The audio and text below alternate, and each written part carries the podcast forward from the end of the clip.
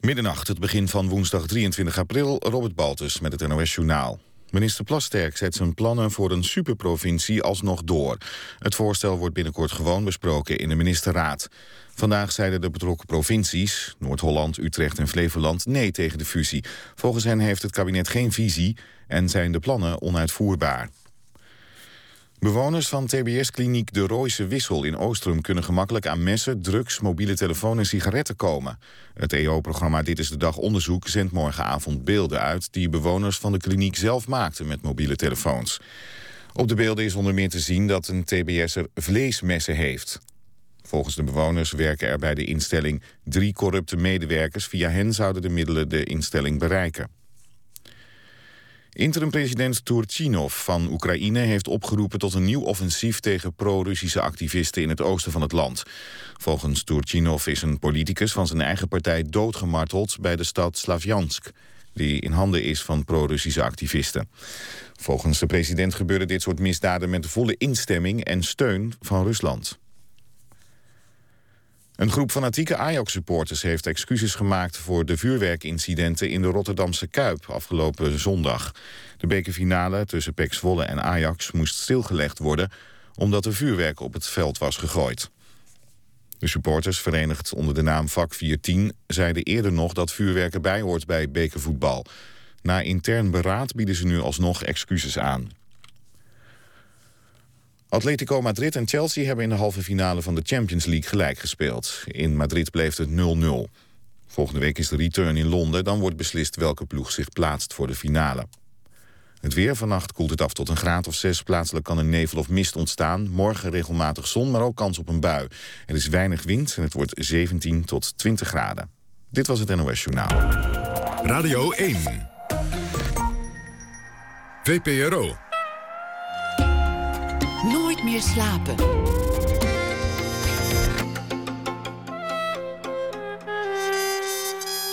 Met Pieter van der Wielen. Goedenacht en welkom bij Nooit meer slapen. Na één uur het verhaal achter een gruwelijke foto die vandaag in de kranten stond.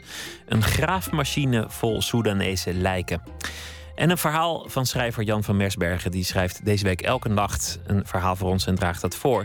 Maar we beginnen met de derde generatie. Niet de ouders, maar de grootouders ontsnapten aan de holocaust. Ver weg zou je misschien zeggen, maar bij Natasja van Wezel thuis was de oorlog in ieder geval nooit ver weg. In de documentaire Altijd 4 mei onderzoekt zij hoe de jodenvervolging doorwerkt in de levens van twintigers, die kleinkinderen zijn van holocaust-overlevenden. Aanstaande maandag wordt die film door de NCRV uitgezonden op televisie. Natasja van Wezel, 27 jaar, zij is filmmaakster en zij is hier te gast. Hartelijk welkom. Dankjewel. Het, het mooie aan de film vind ik dat um, eigenlijk het eh, een, een soort trauma is dat niet schreeuwend wordt beleefd, maar bijna excuserend. Dat iedereen die je aan het woord laat zegt, nou ja, trauma, trauma, ach nee, zo wil, ik, zo wil ik het zeker niet noemen. Er is niet veel aan de hand. En dan komen de verhalen. Wanneer, wanneer realiseerde jij zelf dat er iets toch misschien aan de hand was? Nou, um, ik denk, ik ben dus altijd met de oorlog opgegroeid. Er waren altijd verhalen, vooral mijn oma. Die praatte altijd over de oorlog. En dat was eigenlijk heel normaal. Dat, uh, en we hadden ook een boekenkast vol met boeken, vol holocaustliteratuur. Ik werd altijd meegenomen naar alle uh, herdenkingen die iets met de oorlog te maken hadden. Maar dat was heel normaal. De oorlog was nooit ver weg. Nooit ver weg. Alleen ik vond het raar dat dat bij anderen niet zo was.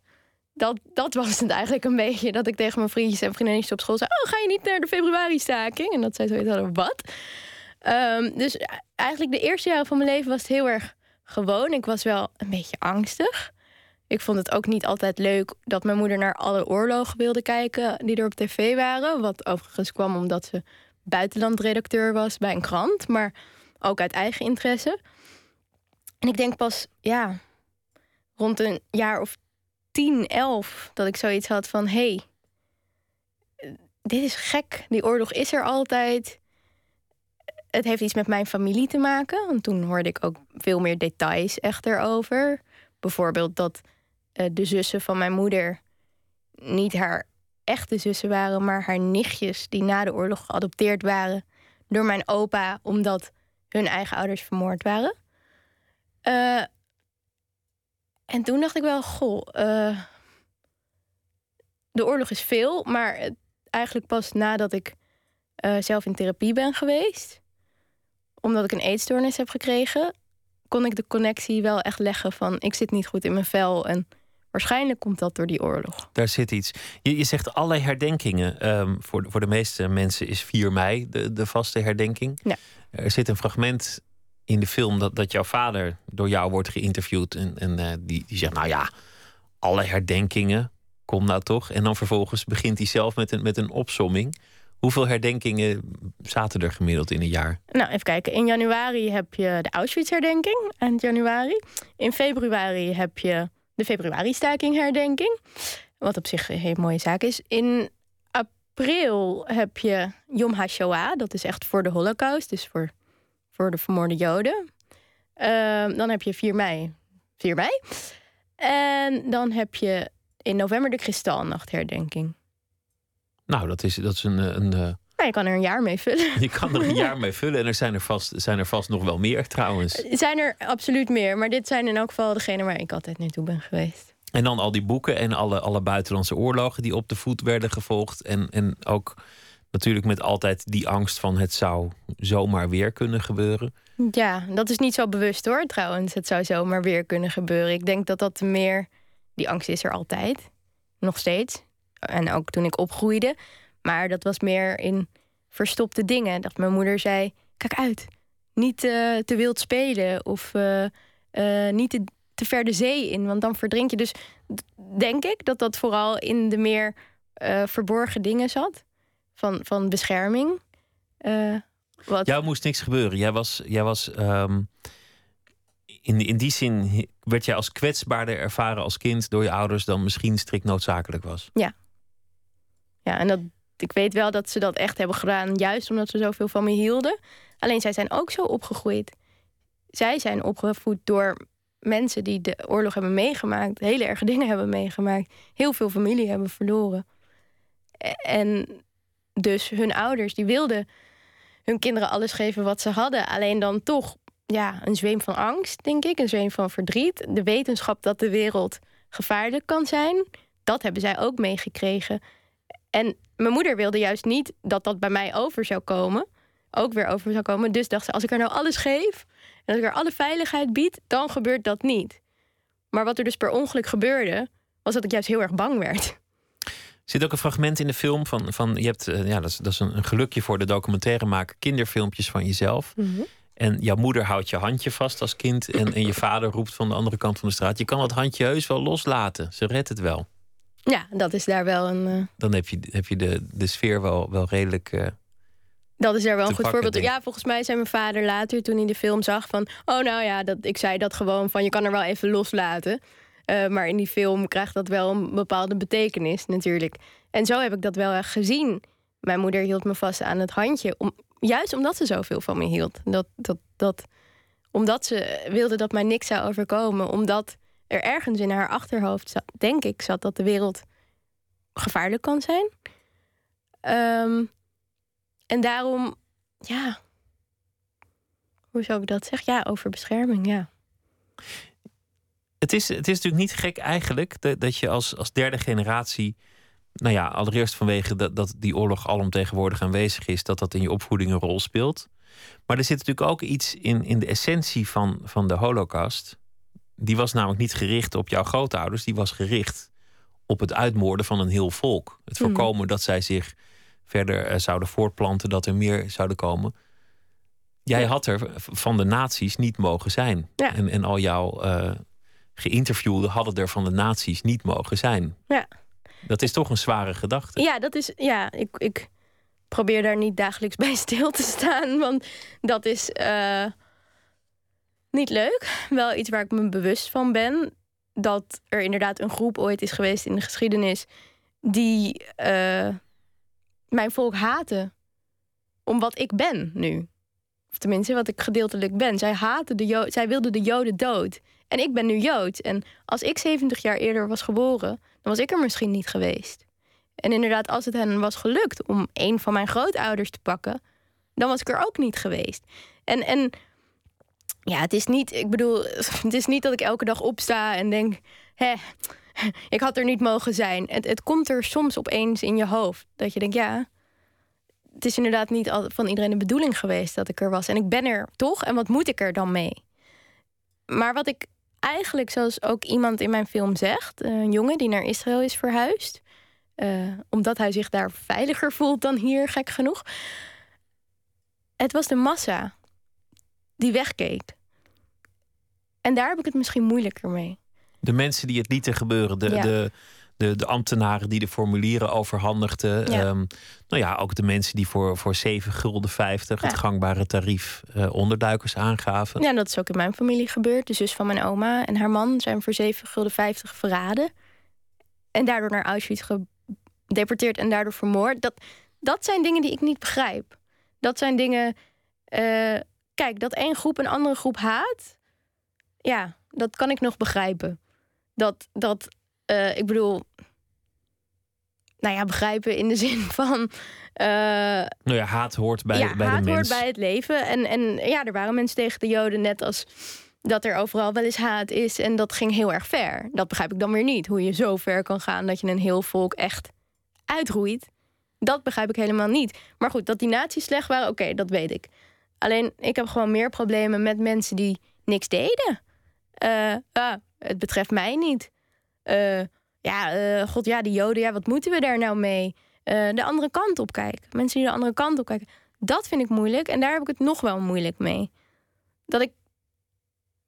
Ja, dat ik. En dat ik ook naar Nederland soms kijk en denk: ja, wat zouden jullie nu doen, jongens? Als er iets met nou niet eens zozeer met de Joden, maar met een bepaalde etnische groep zou gebeuren, zouden we dan weer allemaal wegkijken? Nou ja, wat, wat zou je zelf doen? Het is, het is nog best moeilijk om daarover na te denken wat je zou doen, omdat dat we nu in een redelijk comfortabele positie uh, zitten. Dat weet ik ook wel. Ik weet ook wel. En ik bedoel, als je er echt over nadenkt, tuurlijk. Uh, uh, mensen moeten hun kinderen voeren. Mensen eh, worden, ze werden bedreigd met de dood als ze Joden zouden helpen. Mensen zijn bang. Mensen zijn bang. Maar ik denk, en misschien heb ik dat juist van de Holocaust dan zeg maar geleerd, of alle verhalen die ik daarover heb geleerd. Ik hoop dat ik dan wel voor anderen zou opkomen. En ik weet het niet, want we leven inderdaad in een goede situatie. Maar ik heb altijd geleerd, zeker van mijn moeder, van kijk uit voor onrecht en help mensen waar je kan. En ja, ik weet dat niet iedereen zo is, maar ik hoop in elk geval dat ik het zelf wel zou doen. En ik denk het ook wel. Je hebt, uh, je hebt een aantal mensen geïnterviewd eh, van jouw generatie. Jij, jij zelf liep op een aantal punten vast in, in je leven. Onder andere een, een eetstoornis. Mhm. Daar komen we straks over te spreken. Jij ging mensen interviewen die, die elk op een eigen manier daarmee omgaan. Een van de meest vergaande manieren is een jongen die zegt: Ik wil het, de tatoeage van mijn oma op mijn arm tatoeëren. En die gaat in Israël naar een, een tatoeëerder toe met dat toch opmerkelijke verzoek. En de tatoeëerder die weigert. We luisteren even naar een fragment. I'm here because I'm thinking of um, taking um, the tattoo which my grandmother has um, from, from the war, from the camp. Um, and I was wondering, um, I don't know, to get some, I want to get some more information. About the tattoo itself? Or yeah, the also the idea. I, I, for instance, I would like to know if, if you ever had someone that did it. Uh, well, I did once by mistake. I mean, I was told afterwards that uh, that what it meant. Um, I'm not sure if I would do that again. Uh, if I do that even back then, if I knew that before. Het gaat ook wel ver. waarom wilde die jongen dat? Hij uh, wil dat omdat hij zegt dat dat de manier is waarop hij het trauma, het grote trauma van de Holocaust zelf, van zich af kan schudden. Um, en dat gaat verder. Uh, hij, hij, nou ja, dat zagen in het hele verhaal hoe hij door de film zit. Hij, hij is Joods, Nederlands, voelt zich hier niet veilig genoeg. Is een paar jaar geleden naar Israël verhuisd. En kijkt heel erg op eigenlijk tegen de Israëlische ideologie en hoe zij met de Holocaust omgaan, volgens hem. Uh, en dat is uh, dat veel Israëli's, zeker vlak na de Tweede Wereldoorlog, uh, toen er heel veel Joden uit Europa kwamen natuurlijk die het hadden overleefd, zoiets hadden van ja, wij moeten nu de sterke Israëli's zijn en wij zijn stoer en we hebben een leger en jullie waren de ghetto-joden die je maar als schapen naar de slagbank lieten leiden. Dat is een retoriek die je vaak hoort. Ik had het niet voor het eerst gehoord toen hij dat vertelde. En um, hij wil dus sterk zijn. Hij wil hoe dan ook geen slachtoffer zijn, zelf ook. Hij vertelt later ook van, nou ja, trauma kan je het niet noemen wat we hebben, maar misschien een traumaatje, wat ik wel mooi gevonden vind.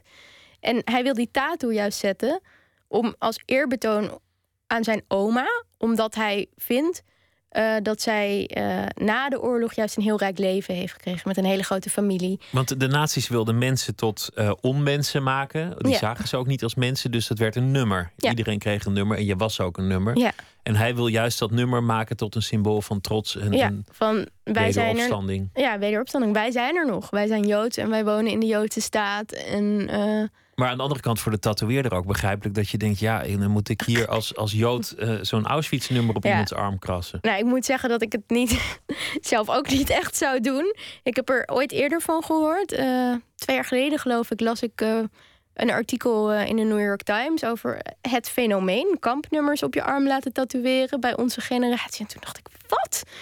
Ben je helemaal gek geworden? Bedoel, het is echt on, nou, ik vind dat echt ondenkbaar. Dat vind ik het ook dat niet mooi, trouwens. Nou, nee, dat ook niet. Maar ik vind het ook grof. En ik vind het, ja, kitsch. Ik weet het niet wat ik ervan vind. Ik krijg er hele nare gevoelens bij. Het maar ergste lijkt mij dat je misschien iemand, zeker als je in Israël woont, zou, zou kunnen kwetsen die, die wel een echt kampnummer nou, heeft. Daar is hij ook bang voor. Daarom heeft hij het ook nog niet gedaan. Um, behalve dat hij wel zijn oma dus heeft gevraagd.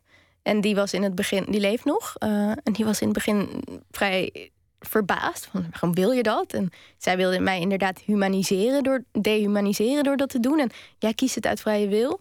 Maar toen zei hij inderdaad, nou ik doe het als eerbetoon naar jou en naar het feit dat wij er nog zijn. En dat vond ze toen toch wel mooi. En, en wat dat betreft, kijk, ik bedoel, ik ben er nog steeds geen voorstander van. Maar ja, ik ga hem niet veroordelen en zeggen van. Uh, wat doe je, jongen? Want als dat zijn manier is om ermee om te gaan. en hij denkt echt dat dat de goede manier is. Ja, wat dat betreft heeft hij me wel enigszins overtuigd. Ik bedoel, hij zei ook: jij maakt deze film erover.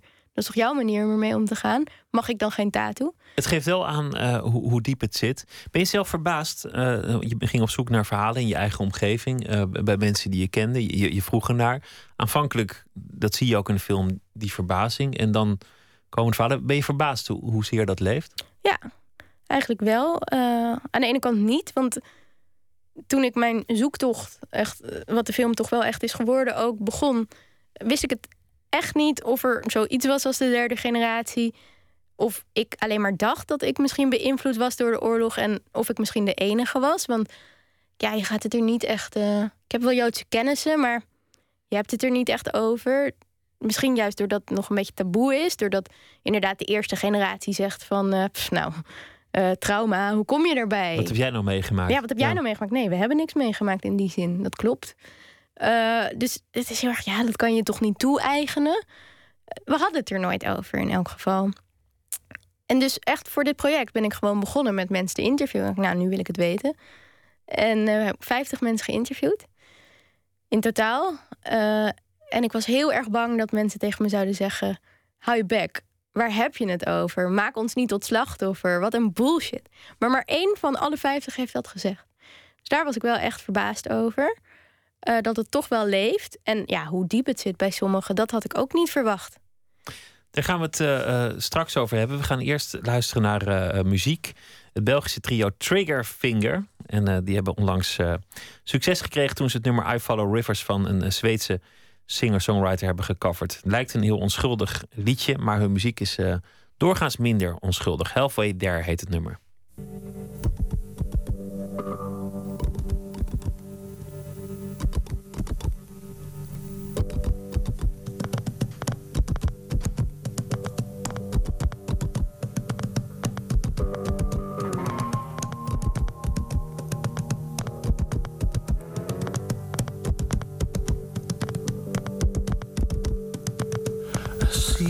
Sense of destiny, and you're all dressed up for privacy. Stag along and end up where we are, and I'm all dressed up you company. twisted sense of family in another shell. One we don't know so well. We've heard the warnings about wasted times. We just couldn't care because we're halfway there.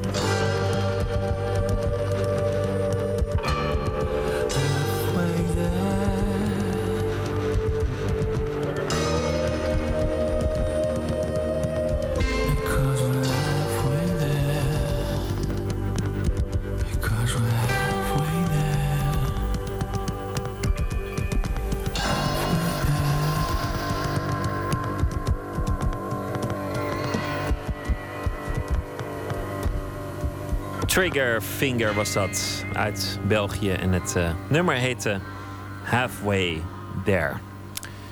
U luistert naar Nooit meer slapen van de VPRO in gesprek met eh Natasja van Wezel, die een eh, film heeft gemaakt.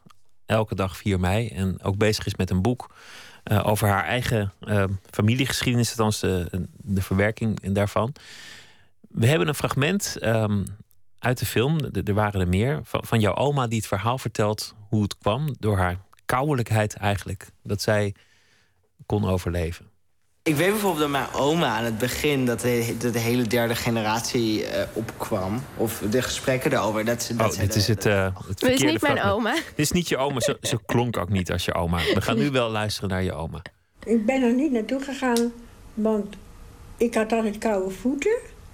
En ik, ik, ik was, het was bekend dat Polen een heel koud land was. En werken, waarom zou je daar moeten werken? Waar moet je eigenlijk weg? Ja, en toen, nou ja, toen kwam die buurman waar ik Engelse les had. En, die, en dat vertelde niet. En die zei, voor jou komt ook hulp. En toen s'avonds kwam hij en zei, ik, heb ik ben naar Communie geweest, ik heb een adres voor je. Dan kan je, wanneer je wilt, kan je daar naartoe. Nou, dat heb ik gedaan. Ik voelde dat het niet klopte. Ja, en ze vertelde ook dat ze, dat ze onderduik adressen regelde voor familieleden die dachten: nou ja, ik, ik eh, ga toch maar een beetje werken. Wat kan, wat kan je gebeuren? Ja, dit was niet uit 4 mei, eh, elke dag 4 mei alleen. Dit was uit is een ander fragment. filmpje. Ja, maar het was zeker mijn oma. Jouw, jouw oma heb je nog eh, gekend, Ja. lang, lang meegemaakt. Ja, tot mijn 23ste. Hoe zou je haar omschrijven? Als een heel leuk, warm mens die heel veel praatte. maar die ook wel erg getekend was door de oorlog. Gebroken? Ja, in zekere zin wel, denk ik.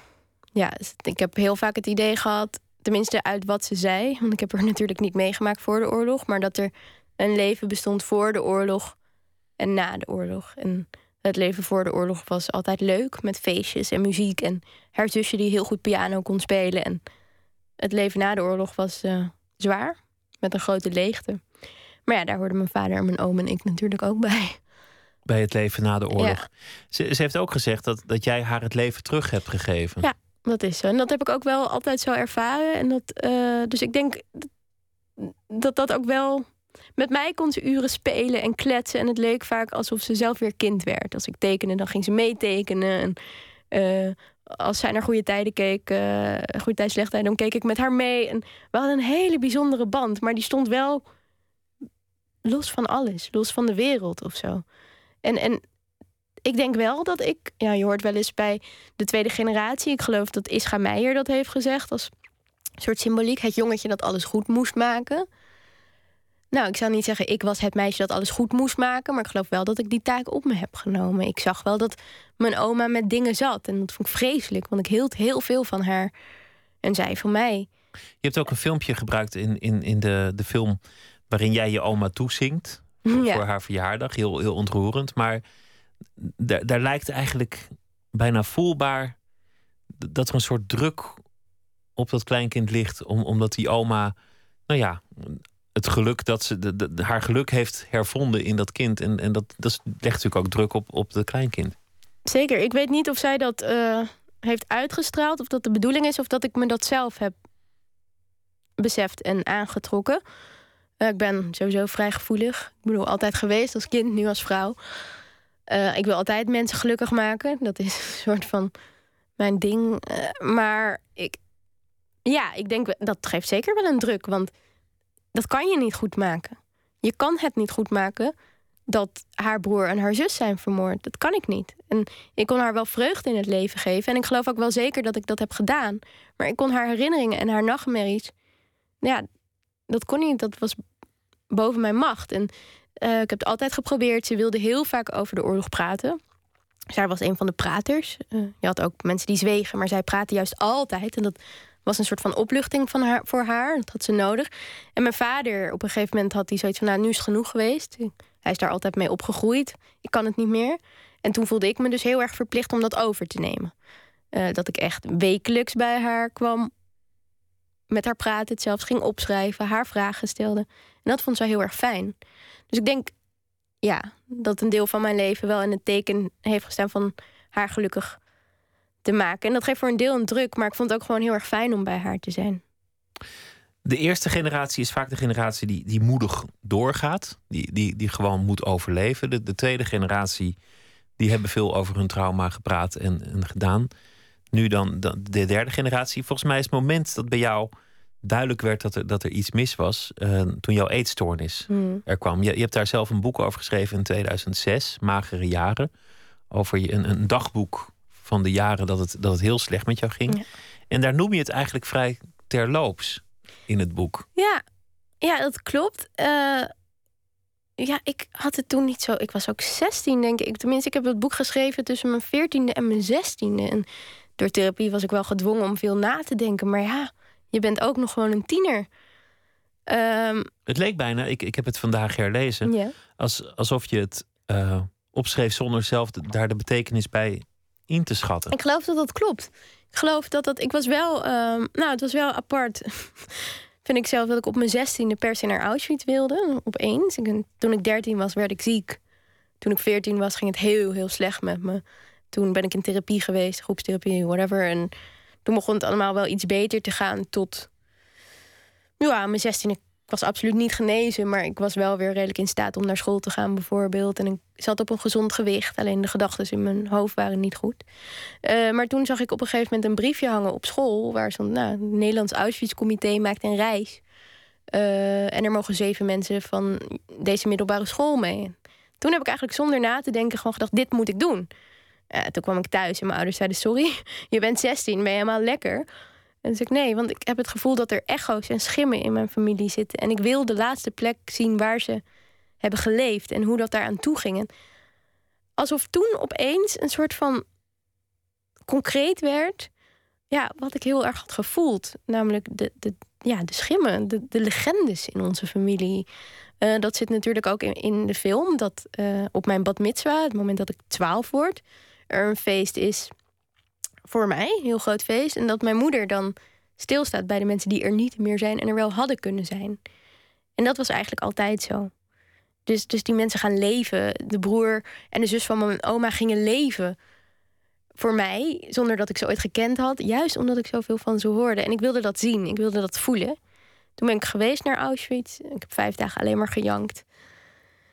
En toen ik terugkwam was ik wel opgeluchter. Maar ik legde op dat moment niet echt de link met mijn eetstoornis. Het was gewoon... Dat hoe, hoe zou die link werken? Want, want in dat dagboek gaat het heel vaak over... Ehm, willen verdwijnen, er niet willen zijn. Mhm. Jezelf zozeer vermageren dat je, dat je ja, dat er steeds minder van je komt tot je uiteindelijk niet bestaat. Ja. Nou, de, de meest logische vergelijking is natuurlijk nou, de kamp over, of de, de, mensen in de kampen, die waren muzelmannen, die waren zo dun dat ze ook bijna niet bestonden. Maar daar heb ik nooit uh, in geloofd bij mezelf. Uh, dat weet ik niet. Volgens mij was ik daar niet mee bezig. Aan de andere kant, volgens mij is anorexia veel meer een controle ziekte. Je, je, wil controle over iets houden. Je wil de macht hebben. Je wil de macht hebben, ja. Hoe goed ik hierin kan zijn. Ja, ik vond mezelf voor de rest waardeloos. Dus, uh, maar diëten, nou, dat kon ik als de beste. En in het begin kreeg ik daar ook complimentjes mee. En dat smaakte naar meer. En voor de rest dacht ik, ik ben dom en lelijk. En ik kan eigenlijk helemaal niks. En ik moet hier niet zijn. En ik denk dat ik heel erg bang was voor het leven. Uh, ik denk dat ik... Ja, dat ik het leven echt bijna niet aankon op dat moment. Uh, dat, dat, ik denk niet dat dat alleen met de oorlog te maken heeft. Want er zijn heel veel meisjes met anorexia. En heel veel van hen hebben helemaal geen connectie tot de oorlog. Uh, alleen we moesten wel allemaal nadenken van waar komt dat vandaan? Waar, waarom hebben we een eetstoornis gekregen? Waarom willen we de controle over ons leven houden? En dan kwam er bij heel veel van die meisjes uit... ik ben misbruikt of uh, mijn ouders zijn op een hele nare manier gescheiden... of een van de ouders is overleden. En dat was bij mij allemaal niet zo. Er was niet echt iets aanwijsbaars. En toen, maar dat was eigenlijk pas veel later, heeft ooit een psycholoog gezegd van ja, maar ja, die oorlog, dat, dat is ook een soort trauma. Uh, maar op een heel ander niveau. En dat, dat wordt van generatie op generatie overgedragen. Het is bijna als je het nu vertelt, alsof je weer vindt van ja, maar dat mag Ja, toch eigenlijk geen nou, trauma zijn. Ja, dat vind ik ook eigenlijk. Want ja, ik, ik luister naar mezelf nu terwijl ik praat en ik denk, ja, anorexia door de oorlog.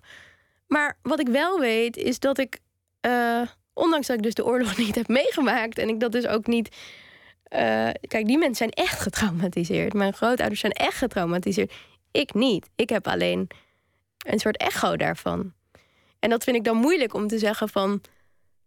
Heb ik daar anorexia van gekregen? Maar wat ik wel weet is dat er een paar elementen in mijn leven zijn. Bijvoorbeeld het, bang zijn om controle te verliezen.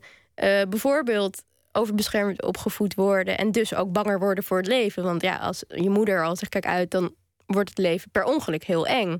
Eh, niet willen opgroeien, kind willen blijven. Eh, ja, ik denk ook dat het heel erg heeft meegespeeld dat normale kinderen van vijf denken: oh, het leven is Sesamstraat, bij wijze van spreken. En ja, voor mij was het dus, oh ja, het leven is Sesamstraat en de oorlog. Je groeit op met een bepaalde spanning die ongrijpbaar is, eh, waarvan niemand het bedoelt om het, om het te doen. Integendeel zelfs. Mijn ouders hebben zich heel erg ingespannen om het niet over te laten gaan. Maar er is een soort van mysterie en, en, en angst en, en vervelende gedachten die je voelt en die je vertaalt in je hoofd. En volgens mij is dat bij mij dan uitgedraaid op het willen houden van controle. En ik werd ook gepest met dat ik dik was. Dus dat heeft daar ook mee te maken. En, en, een, en een gevoelige aard, zoals je net Eh, zelf ja. zei. Je hebt op de, op de afgrond van de dood ge- gebalanceerd. Je, je woog 45 kilo, 35. 35 zelfs. Nou, dat, 35, dat. Maar ik ben heel eh, klein, hè?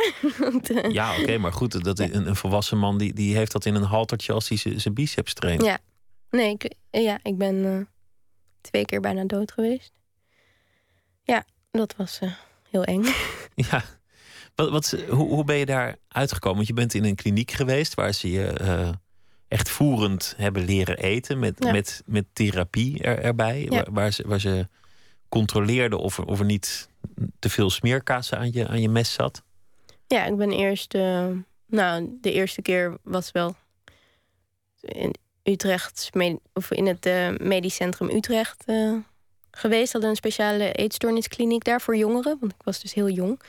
Ja, daar leren ze je echt eten. Je krijgt een menu voedingsadvies eigenlijk. Waar precies op staat van nou, om negen uur ontbijtje en eet je drie boterhammen. En eh, daarna eh, heb je je tussendoortje om 11 uur en om 1 uur eet je weer vier boterhammen. En daar hou je dan precies aan, want het is ook weer controle. En daar wilde ik eerst niet aan beginnen, want dan ja, hallo, ik moet eten. Dan ben ik alle controle kwijt. Dan is alles waar ik zo mooi voor heb gewerkt, namelijk tot 35 kilo, is dan voor niks geweest. Maar ik wilde ook niet dood. Dat ik voelde me ook gewoon lichamelijk veel te ver- verzwakt om dat te doen. Daarmee door te gaan. En ik wist uiteindelijk dat tot de dood zou leiden. En dat was ook dat mijn vader op een gegeven moment tijdens een gesprek over wel of geen hulp wegliep en, en huilde. En zei: Ik laat mijn dochter niet doodgaan. En ja, dat is wel heel heftig als je dat hoort. En ook mijn oma die me een brief schreef en zei: Ik heb de Tweede Wereldoorlog al overleefd, dan wil ik niet ook nog jou overleven. Dus dat soort invloeden pushten me wel. Ja, dan, dan heb je groepstherapie. Dus eh, anderhalf jaar lang, twee dagen per week naar het ziekenhuis. Om te praten, te praten en te eten en te wegen.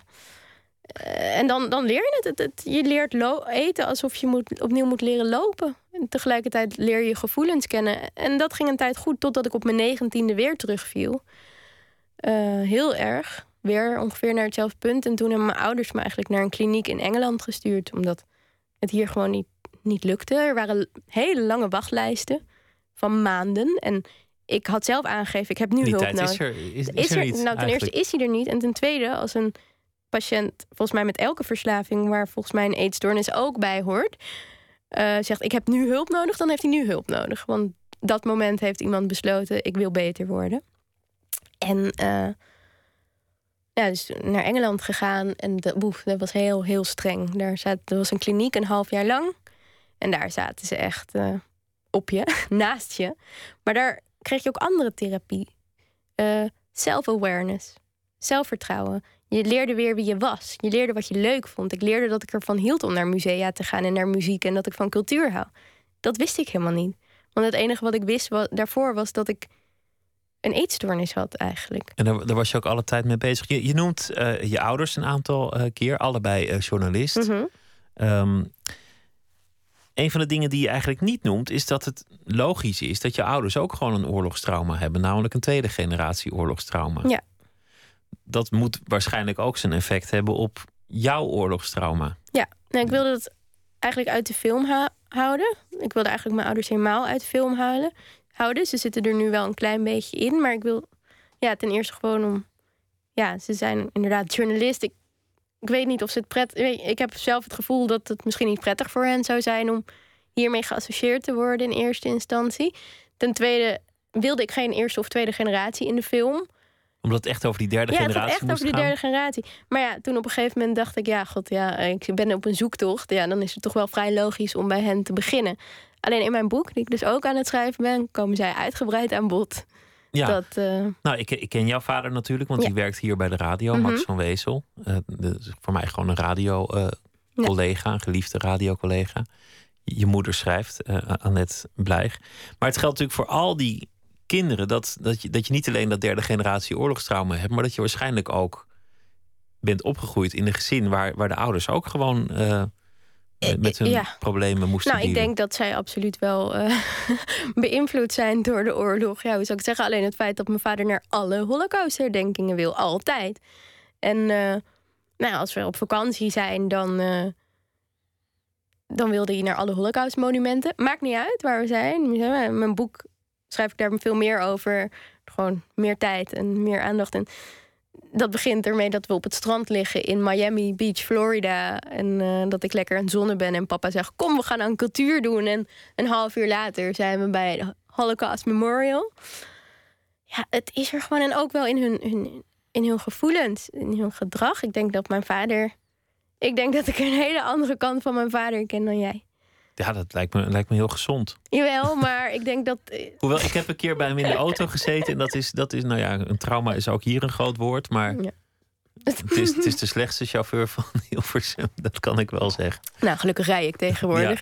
Nee, maar ik denk dat mijn vader een stuk gevoeliger is dan mensen denken. Ik weet het, mijn vader... Ik bedoel, ik, mensen komen vaak op mij... en Oh, ben jij de dochter van? En, oh ja, zo'n vrolijke, sociale man altijd. Dan denk ik, ja, ja, dat is één kant van hem. Maar hij heeft een andere kant waarin hij...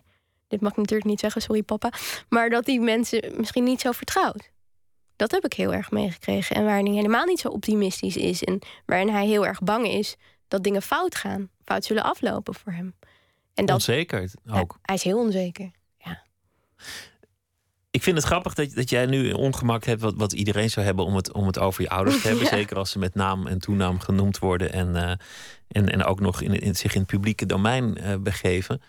Ehm, voorheen ha- had je die angst misschien wat minder. Ik kan me een optreden herinneren bij, bij Pauw en Witteman, waarin, waarin het ook ging over, eh, over je ouders. Maar het is een stijl die jij kiest in, in de film om het heel persoonlijk te maken. Mhm. Je maakt niet eh, van achter de camera netjes gefilmd iets. Jij vertelt jouw verhaal, jouw vrienden. Je gaat ook op zoek naar datzelfde, die herkenning van wat, wat jij hebt meegemaakt. Heb, heb je geaarzeld om het zo te Oh doen? ja, zeker. Het was ook niet helemaal de bedoeling. Nou, het was wel altijd al op de filmacademie. Was ik altijd al heel persoonlijk. En mensen zeiden altijd mij: hou daar nou toch eens mee op. eh, Het is irritant. eh, Ga toch eens achter de camera staan.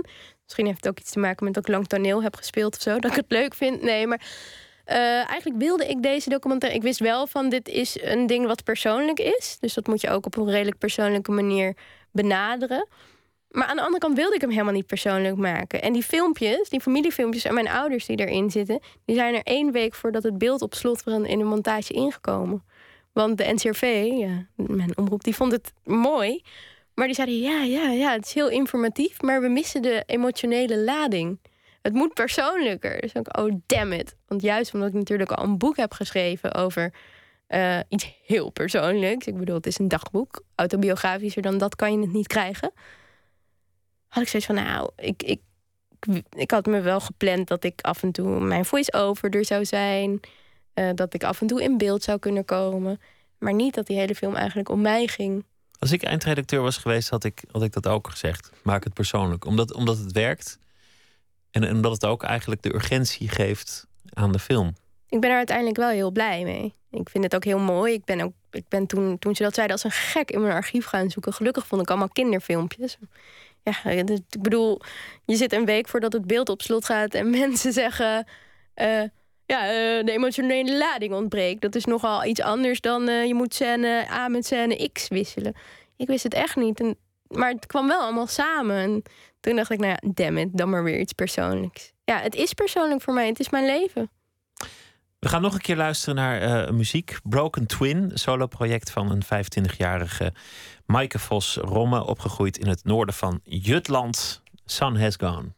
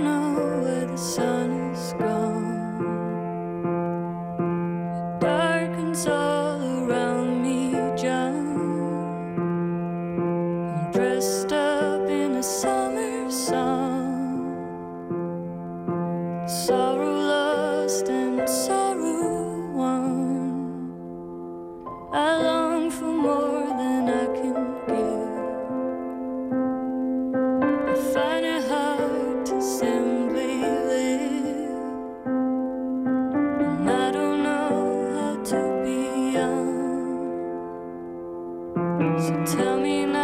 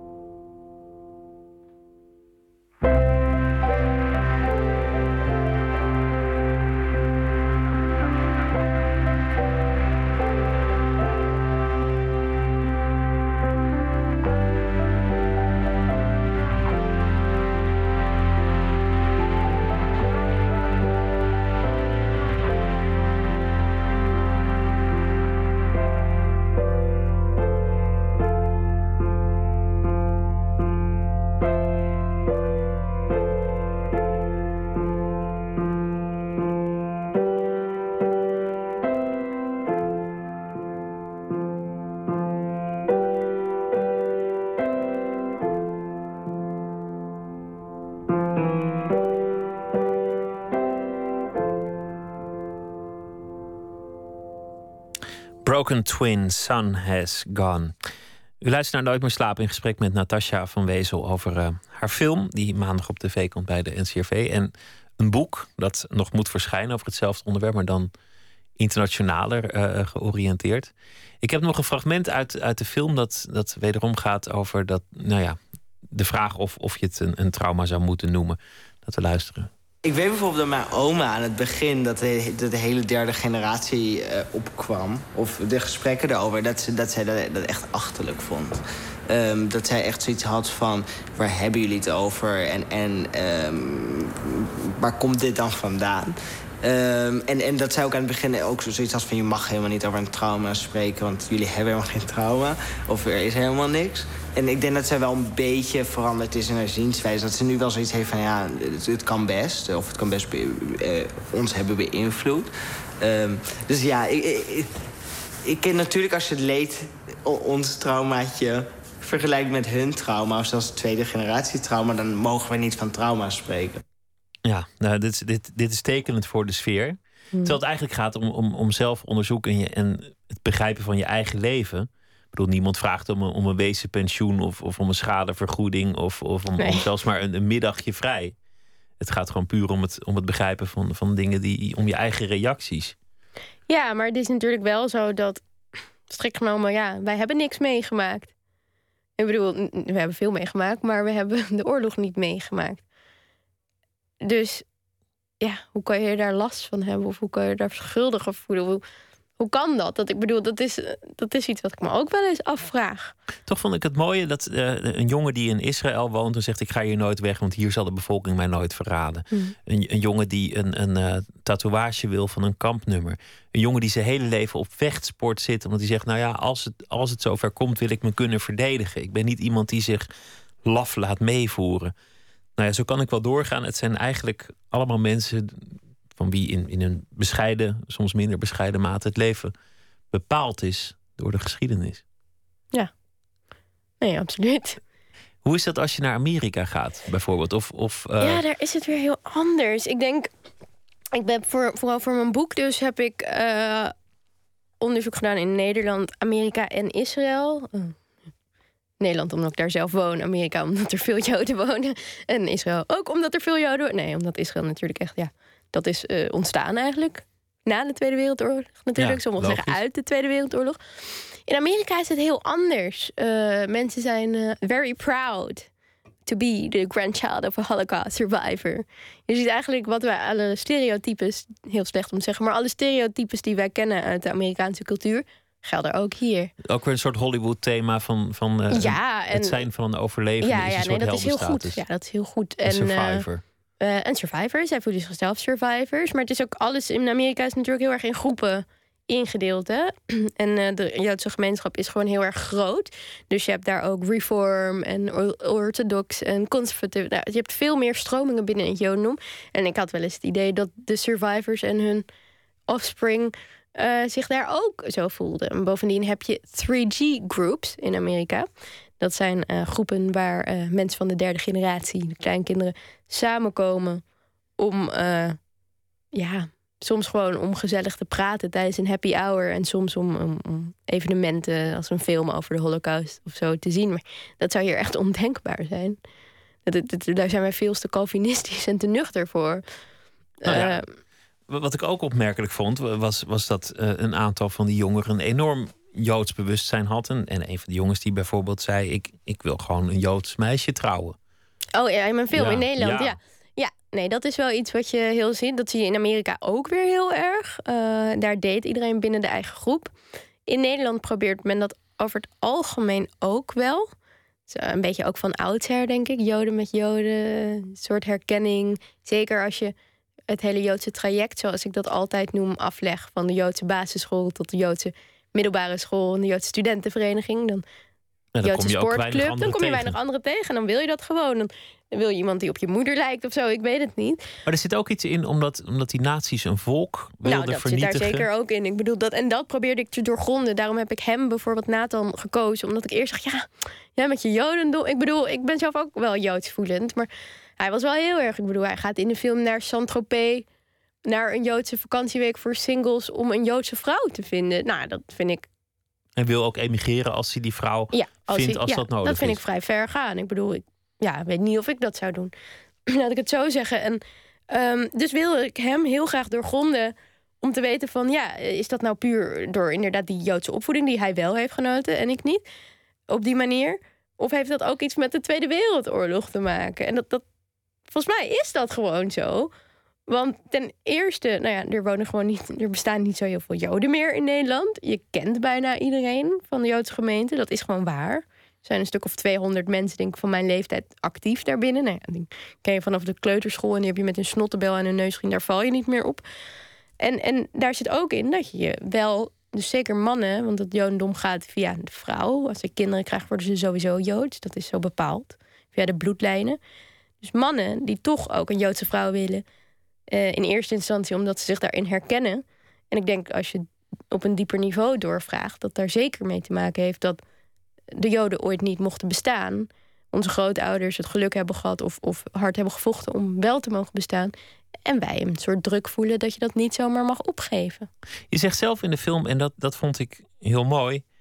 ehm, wat ik ervan heb geleerd is dat iedereen gelijk is. Hm. Dat je geen onderscheid moet maken tussen mensen van, ja, die is Jood of die, die is Arabier of, of, Ja. wat dan ook. Absoluut. Ja, dat is eh, me wel met hem. Maar goed, dat komt misschien ook door mijn linkse ouders. En linkse grootouders. Die, die les eruit trekken. Maar Ja. nou ja, dat, dat is natuurlijk helemaal niet zo vaak de les die eruit getrokken is. Nee. Ik bedoel, het heeft uiteindelijk gewoon verdeeldheid leidt tot verdeeldheid. En, en de herinnering van de holocaust leidt ook alleen maar tot verdeeldheid. Ja, mensen zijn slecht, hoor je vaak als de les die. Ik vraag altijd wat, wat is de belangrijkste les? De mensheid is niet te vertrouwen, de mensheid is slecht. Nee, maar ik heb dat Nou ja, wel. De mensheid is tot slecht in staat, zou een, een genuanceerdere opvatting ja, zijn. nee, toch is meestal het antwoord: de Ja, mens is gewoon slecht. ronduit slecht. Maar ik vind dat zeker. En ik vind dat dat. dat ik, ik, ik baal dat niet iedereen die les daar eigenlijk van heeft geleerd. Want, nou ja, ik bedoel, of wij het nou waren toen, of wij Joden nu nou waren toen, of, of moslims die nu slecht worden behandeld nu. Dat kan gewoon niet. Je moet je niet boven een minderheid zetten. Punt. Want dat, lijkt gewoon, dat kan gewoon tot hele gevaarlijke dingen leiden. Sommige mensen hebben echt een, een, eh, een, een holocaust-tik dat ze overal achter elke boom een, genocide zien, zien, Ja. zien opduiken. Of dat ze heel erg ehm, begaan zijn met, met waarschuwingen uit het verleden. Heb jij dat? Niet zozeer. Ik ben niet eh, heel erg bang dat bijvoorbeeld zoiets als de Holocaust snel weer zou kunnen gebeuren. Of niet op die schaal. Aan de andere kant gebeuren er nog steeds genocides. en er zijn er ook heel veel Eh, gebeurd sinds de Er zijn Tweede er heel veel Wereldoorlog. gebeurd sinds de Tweede Wereldoorlog. Dus wat dat betreft leren we er helaas niks van. Eh, en ik ben waakzaam nu wat er gebeurt met moslims. Dat vind ik eng. Ja, de PVV, sorry, dat vind ik gewoon eng. En daar ben ik waakzaam op. Wel dat ik denk van, hé, hey, nou ja, dat komt dan weer, dat is eigenlijk weer terug te leiden naar die belangrijkste les die ik heb geleerd. Iedereen is gelijk. En eh, laten we nou proberen iedereen als gelijke te behandelen en niet minderheden eh, af te stempelen als vies of raar of eng. Want we zijn allemaal mensen. En ik bedoel, eh, ja, dat klinkt heel cliché, maar ja, het is wel zo. Want ik bedoel, je had net zo goed daar, zeg maar, in het Marokkaanse gezin kunnen, kunnen, kunnen geboren worden. En dan werd jij gediscrimineerd. En maar met de komst van, van eh, Marokkanen en andere groepen is, is ook het antisemitisme weer terug in de, in de Nederlandse steden. Ja. Of het echt, nou, ik weet niet of dat. Ik weet niet of dat komt omdat dat er Marokkanen of moslims in Nederland wonen. Ik bedoel, er is antisemitisme, absoluut. Altijd geweest. Altijd geweest. Ja, noem me naïef, maar ik, ik bedoel, het, tuurlijk, het komt eh, voor een deel uit die hoek. Ehm, dat is zo. Ik ben er zelf een keer mee in aanraking gekomen. Dus ik weet dat het zo is. Ik weet ook dat als ik met mijn Davidster door Nieuw-West loop in Amsterdam... dat ik waarschijnlijk niet heel leuk word aangekeken. Maar ja, ik vind het niet echt dreigend, bedreigend of zo. Ik denk dat dat vooral mensen zijn die niet de goede educatie hebben gehad. Maar die willen echt niet een nieuwe holocaust of alle joden het land uit. Ik bedoel, die hebben een bepaald beeld over Israël... wat misschien wel klopt en misschien niet. Ehm, ik voel me daar niet door bedreigd. Ik voel me veel meer bedreigd door PVV'ers. Die, die een andere groep misschien ja. uh, te lijf zouden gaan. Ik denk dat de meeste mensen denken van... nou ja, Nederlanders zijn niet tot zoiets in staat. Nederlanders, Nederlanders dat is geen... Uh, genocide drijvend nee, volk. zijn we dat ook niet ooit geweest? Ja, misschien klinkt dat dan weer nee, heel... Uh... Het, nee, het is wat je hoort. We zijn geen genocide drijvend volk. Maar dan als iemand anders het doet, kijken Nou Nederlanders ja, wel weg. Dan kijken we weg. Nou ja, dat. En, dat, en dat voelde ik ook heel vaak. En dat is ook eigenlijk het grootste verschil... wat ik dus in mijn internationale onderzoek heb gevonden. Kleinkinderen van de holocaust die in Nederland leven... voelen zich over het algemeen niet heel veilig. Dat is een beetje het... eh, ik, ik wil nu niet definities van de derde generatie gaan noemen, want ik weet ook niet of ze er zijn eh, zo sterk. Ik heb geen empirisch onderzoek gedaan. Ik heb wel heel veel mensen gesproken, maar ik ben geen wetenschapper. Dat is ook nooit de bedoeling geweest van dit project. Alleen bijna iedereen zegt ja, ik voel me niet helemaal veilig hier. Of eh, ik vraag me wel af, kan ik bij jou onderduiken als het nodig is? Eh, of wat zou die hebben gedaan in de oorlog? Of wat, wat als het weer gebeurt? Dat is iets wat eigenlijk bij iedereen voorkomt. En dat is echt in Nederland, want dat heeft Amerika niet. Als je aan Amerika vraagt, voel je Amerikaan en voel je veilig hier? Natuurlijk. En Israël hebben ook niet die angsten, want ze wonen in de Joodse staat. Dus daar, het is meer een collectief ding daar. Maar goed, die hebben wel een enorm veiligheidstrauma ten Absoluut, aanzien die hebben van een de buurlanden. veiligheidstrauma als land, denk ik. Ja. Dat, dat, dat- maar die hebben het niet individueel. Die hebben het collectief. Ik heb het wel eens eh, vergeleken met in Nederland hebben we dit, is het gebeurd. Hier is het gebeurd. In deze straten is het gebeurd. Wij leven daar nog steeds. Dus wij worden daar dagelijks mee geconfronteerd. En weten ook dat de omgeving of slecht heeft gehandeld of niet. Of, of goed. Maar daar leven wij in. Eh, dus dat, dat brengt bepaalde gevoelens met zich mee. Eh, we moeten de Joodse gemeente weer opbouwen. Eh, we moeten uitkijken. Dat, dat gaat niet zo bewust, maar dat wel. Amerika zijn de proud people, in groepen georganiseerd. En Israël is het collectief. Ik wil afsluiten met iets eh, vrolijks. Want je, je hebt eh, eh, deze film gemaakt. Dit is je eerste echte film. Je, je, je hebt de filmacademie afgerond. Mhm. Is dit de, de richting waar je verder in wil gaan? Documentaires maken? of, ja.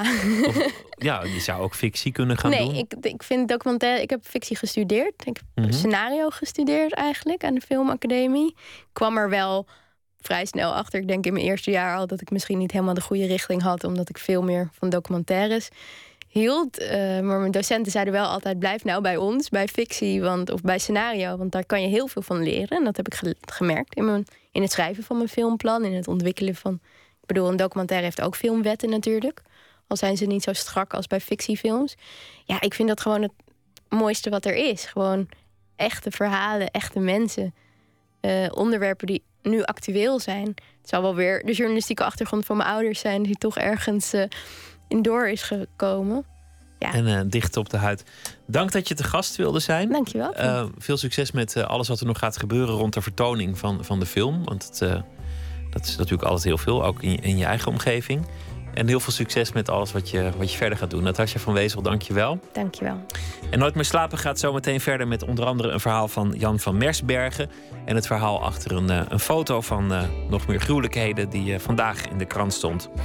We zitten op Twitter, VPRO NMS. En u kunt ook mailen naar nooitmeerslapen.vpro.nl. Tot zometeen.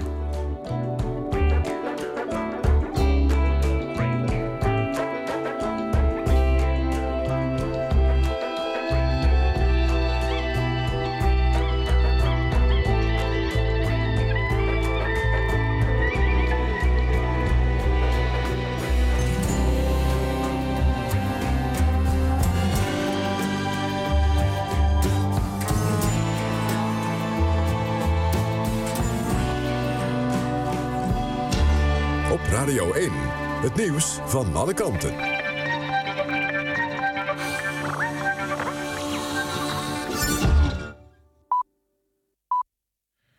Eén uur Robert Baltus met het NOS Journaal. Minister Plasterk zet zijn plannen voor een superprovincie alsnog door. Het voorstel wordt binnenkort gewoon besproken in de ministerraad. Vandaag zeiden de betrokken provincies Noord-Holland, Utrecht en Flevoland nee tegen de fusie. Volgens hen heeft het kabinet geen visie en zijn de plannen onuitvoerbaar. Iran heeft bij de Verenigde Naties protest aangetekend tegen de beslissing van de VS om geen visum af te geven voor een Iraanse diplomaat. Iran wil Hamid Abu Talebi afvaardigen als ambassadeur bij de Verenigde Naties. De VS ziet hem als terrorist. Omdat het hoofdkantoor van de VN in New York is gevestigd... heeft Abu Talebi een Amerikaans visum nodig. President Obama tekende vorige week een wet die het mogelijk maakt... om VN-visa voor terroristen te weigeren. De wet is bedoeld om Abu Talebi buiten de deur te houden. Hij deed volgens de Verenigde Staten mee aan een bezetting... van de Amerikaanse ambassade in Teheran eind jaren 70. Abu Talebi zegt dat hij alleen maar een tolk was. Bewoners van TBS-kliniek De Rooise Wissel in Oostrum... kunnen gemakkelijk aan messen, drugs, mobiele telefoon en sigaretten komen. Het EO-programma Dit is de Dag Onderzoek zendt morgenavond, vanavond moet dat zijn, beelden uit... die bewoners van de kliniek zelf maakten met mobiele telefoons. Op de beelden is onder meer te zien dat een TBS'er vleesmessen heeft. Volgens de bewoners werken er bij de instelling drie corrupte medewerkers... en via hen zouden de middelen de instelling binnenkomen. Interim-president Turchinov van Oekraïne heeft opgeroepen tot een nieuw offensief tegen pro-Russische activisten in het oosten van het land. Volgens Turchinov is een politicus van zijn eigen partij doodgemarteld bij de stad Slavjansk, die in handen is van pro-Russische activisten. Volgens de president gebeuren dit soort misdaden met de volle instemming en steun van Rusland. Het weer, vannacht koelt het af tot een graad of 6. Plaatselijk kan een nevel of mist ontstaan. Morgen regelmatig zon, maar ook kans op een bui. Het wordt 17 tot 20 graden. Dit was het NOS Journaal. Radio 1. VPRO. Nooit meer slapen.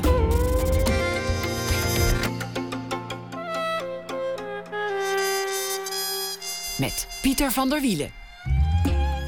U luistert naar Nooit meer slapen. We beginnen dit uur als gebruikelijk met een schrijver die elke week, of elke week een ander, elke dag een verhaal schrijft op basis van iets dat die dag is gebeurd of dat hij die dag heeft meegemaakt. Speciaal voor dit programma en dat draagt hij dan ook voor aan de telefoon. Deze week Jan van Mersbergen debuteerde in 2001 met de roman De Grasbijter. Schreef meer boeken. De Macht over het Stuur. Morgen zijn we in Pamplona. Zo begint het. En in 2011 verscheen zijn roman Naar de overkant van de nacht, bekroond met de nieuwe literatuurprijs BNG. En wordt bovendien ook nog verfilmd. En zijn allerlaatste boek, dat was De Laatste Ontsnapping. Uh, goeienacht, uh, Jan van Mersbergen. Hoi, goeienacht. Wat ga je vannacht doen? Qua uh, verhaal. Straks lekker slapen. Ik Ja. morgen vroeg kinderen in de school, dus het is vrij vroeg opstaan. Ik bedoelde, ik bedoelde eigenlijk, wat, waar gaat het verhaal eh, over? Dat nachtleven, het geloof ik wel. vandaag, dat gaat over, eh, over eh, mijn dag in eh, Arnhem vandaag. Ik zit vandaag in Arnhem. Wat moest je in Arnhem? Ik geef les bij ACTES, bij de hogeschool, de kunsthogeschool in Arnhem. En die afdeling heet Creative Writing, waar ik iedere dinsdag les geef. Dit, dit blok is vandaag net voor het laatst geweest. Ik heb beoordelingsgesprekken gehad. En je verhaal gaat over, over de mooie stad Arnhem. Nou, dus ik, eh, ik, ik schrijf iedere dag op mijn site een, eh, een stukje en dit is eigenlijk een heel goed voorbeeld van wat ik doe. Eh, ik zag eh, gisteravond een reportage over Martin Bril op tv, die alweer vijf jaar dood is. En, die deed eigenlijk, ja, die deed eigenlijk precies hetzelfde. Het liet dus in die reportage heel mooi zien. Gewoon een, eigenlijk is het een beetje om je heen kijken, schrijven. Kwam het op meer. Ja, als je het. wat, wat, zei hij ook alweer altijd? Als je het. Als je het niet ziet, of nee, als je niet kijkt, dan zie je het ook niet. Dat was het. Ja, ja, precies. Ja, ja. Goed, je verhaal. Ik ben benieuwd. Ja. Oké, Arnhem. Eh, ik zag een man langs het, langs het overdekte busstation van Arnhem lopen. Hij was klein en hij had een doorzichtige plastic tas in zijn handen. Er zaten kleren in. Hij liep op badslippers en bewoog moeizaam. Hij was er slecht aan toe. Hij had een baard, maar geen modieuze baard. Hij had een baard omdat hij er slecht aan toe was. Zijn jas was te groot. Hij liep vlak langs de bussen. Bij het zebrapad wachtte ik tot ik kon oversteken om naar de bussen te gaan langs die man het station in een metalen plateau af. Er moet hier een flitsend gebouw komen. Iedere week is er een stukje aangebouwd. Veel beton en veel metaal. En bouwvakkers liepen over een randje hoog boven de bussen. Een kraan draaide, maar er hing niks aan. De man met de tas kleding rustte even uit. Hij zette zijn tas op het asfalt. Hij bewoog zijn vingers alsof hij er weer gevoel in wilde krijgen. De verkeerslichten die ratelden en ik stak over. De man bukte zich om zijn tas weer op te pakken. Zijn broek zakte af en de kleine man bleef heel lang zo staan, met zijn vingers trillend in de lucht boven de tas met kleren, zijn broek op zijn knieën, zijn gedachten ver weg, zoekend naar wat er eigenlijk gebeurd was. Verderop in de tunnel namen twee vrouwen met grijs haar afscheid van elkaar, met een high five. Zo was het in, uh, in, in Arnhem. je, je, je schrijft... Bij, bij het uh, station.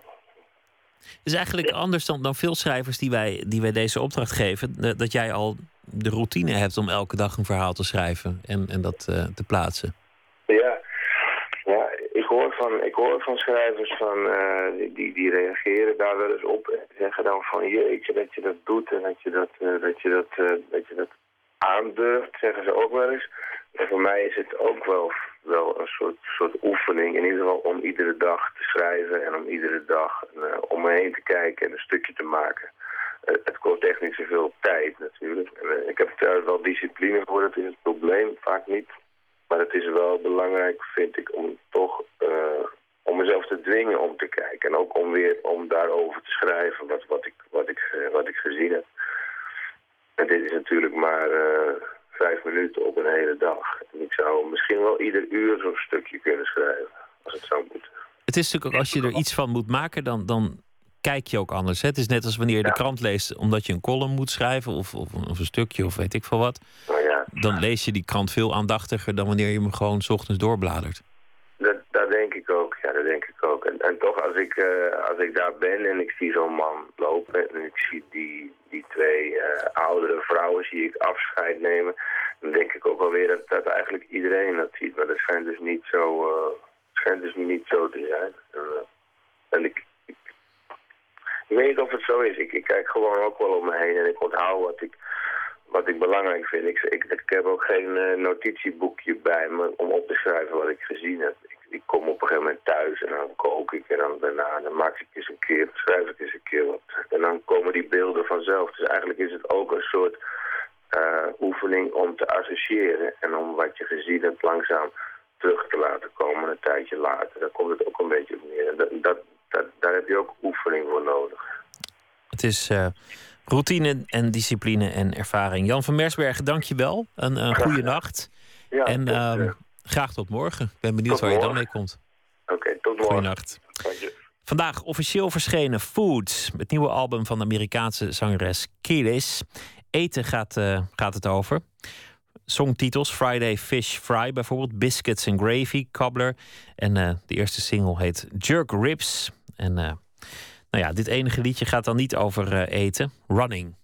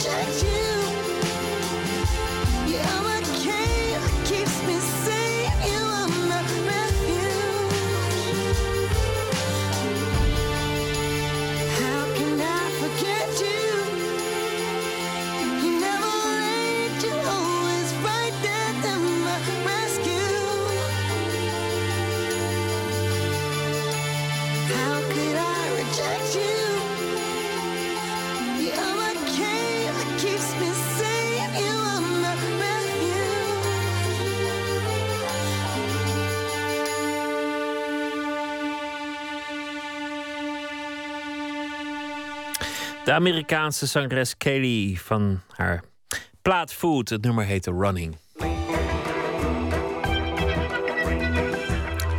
U luistert naar de VPRO Nooit meer slapen. Elke dag werken met hetzelfde uitzicht. Dat is eh, wat de meeste mensen doen. Maar voor schilders is dat bijzonder. In Heerenveen, in het museum Belvedere, opende afgelopen weekend een tentoonstelling met werk van zes schilders die allemaal werken in een serie. Alle zes laten zich soms jaren achtereenvolgens inspireren door steeds hetzelfde uitzicht of hetzelfde onderwerp. Onze verslaggever Gijsbert van der Wal ging er naartoe. We zitten hier midden in een tentoonstelling, nieuwe tentoonstelling, Museum Belvedere. En iedereen weet dat natuurlijk, Museum Belvedere is gelegen in het prachtige Oranjewoud. Uh, een mooi landschap. Dit is Hans Steenbrugge. Hij is de directeur van Museum Belvedere. En het is een museum uh, wat zich ook heel erg concentreert op, op schilderkunst...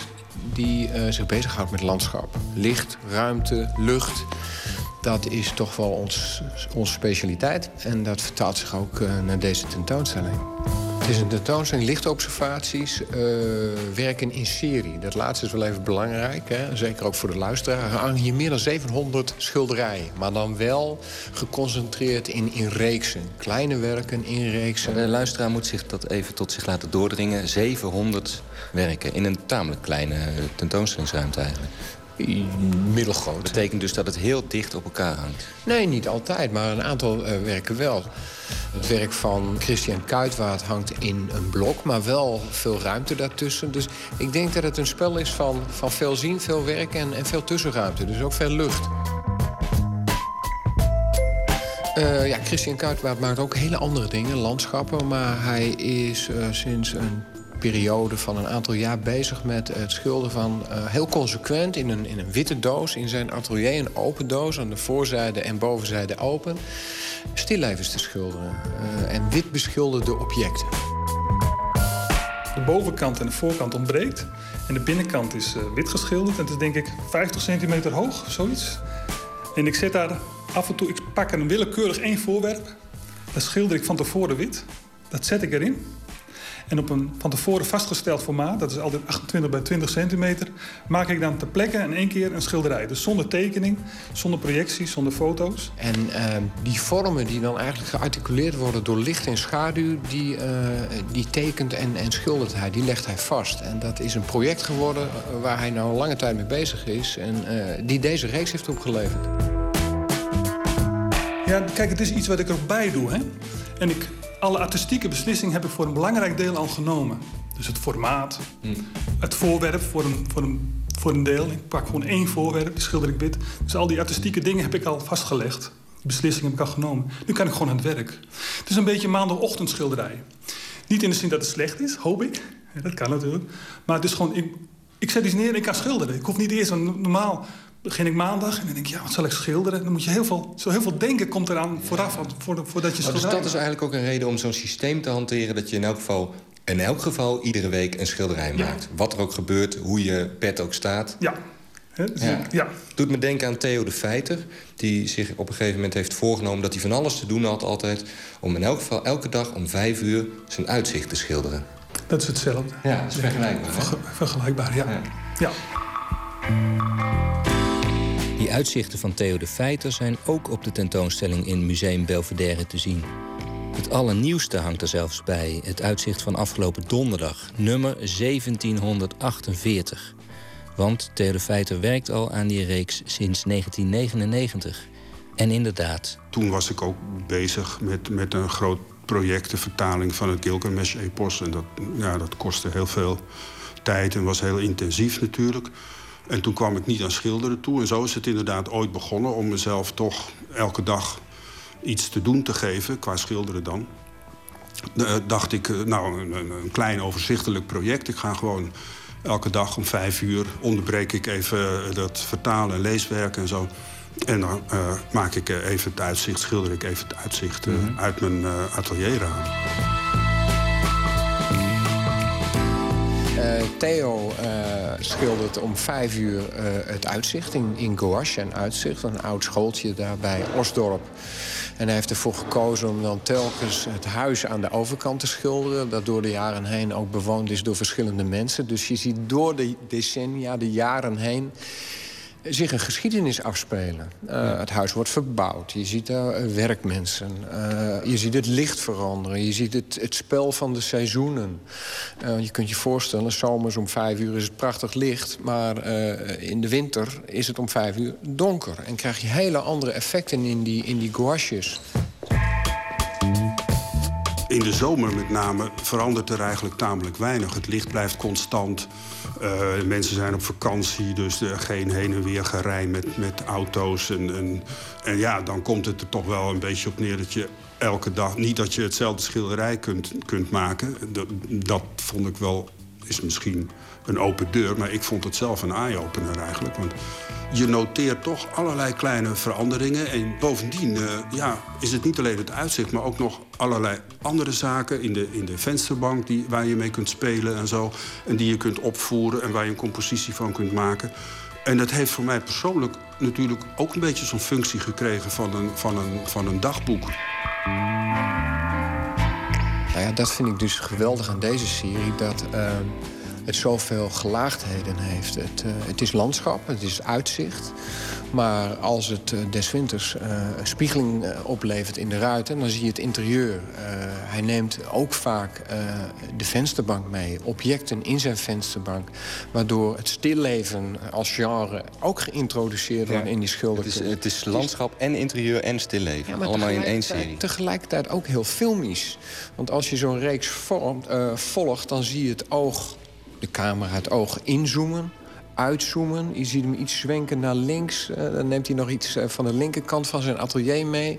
Dan zie je hem weer iets gaan naar links, waardoor je meer van het uitzicht ziet.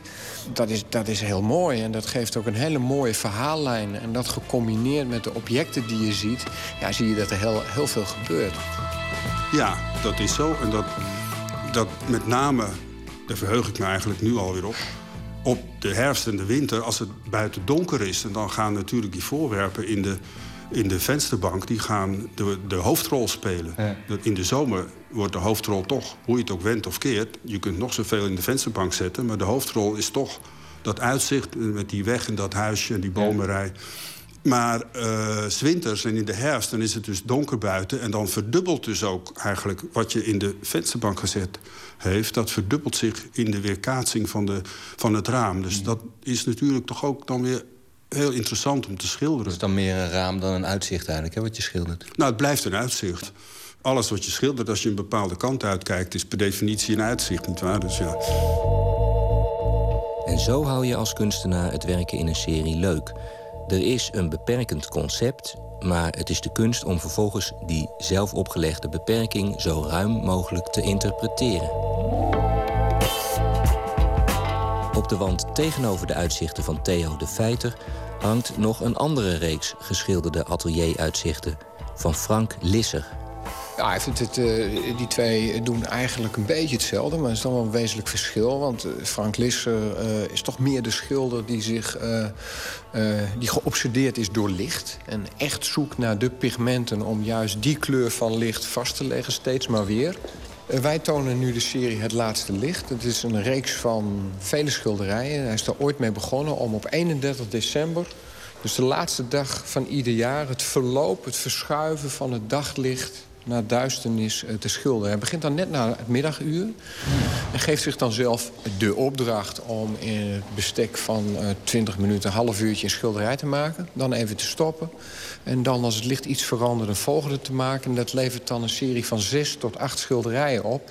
Totdat hij uiteindelijk zo rond vijf uur, kwart over vijf, niet verder kan. Want dan is de duisternis ingevallen. Dus en dat is dus steeds het laatste licht op, de eh, op het laatste, dag van het jaar? Van het jaar, ja. ja. En echt één op één van uh, wat hij ziet. Het aardige bij Frank is wel dat hij zelfs uh, daags voordat hij gaat schilderen... het KNMI opbelt om te vragen wat zijn de weersverwachtingen... en daar zijn, zijn doek op prepareert. Hè? En, en zijn pigmenten klaarlegt. Dat hij precies weet van in, binnen dat bereik moet ik, moet ik werken. Dus, eh, Nou ja, dat zegt ook wel iets over het soort kunstenaars... dat ervoor kiest om in serie te werken. Dat zijn misschien toch mensen die behoefte hebben aan houvast... en een soort zekerheid. Structuur, zekerheid, eh, orde.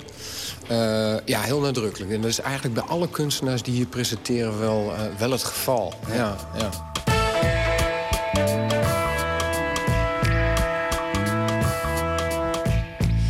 Behoefte eh, tot ordenen eh, zie je denk ik meest nadrukkelijk in het werk van, eh, van Jonas Snijder.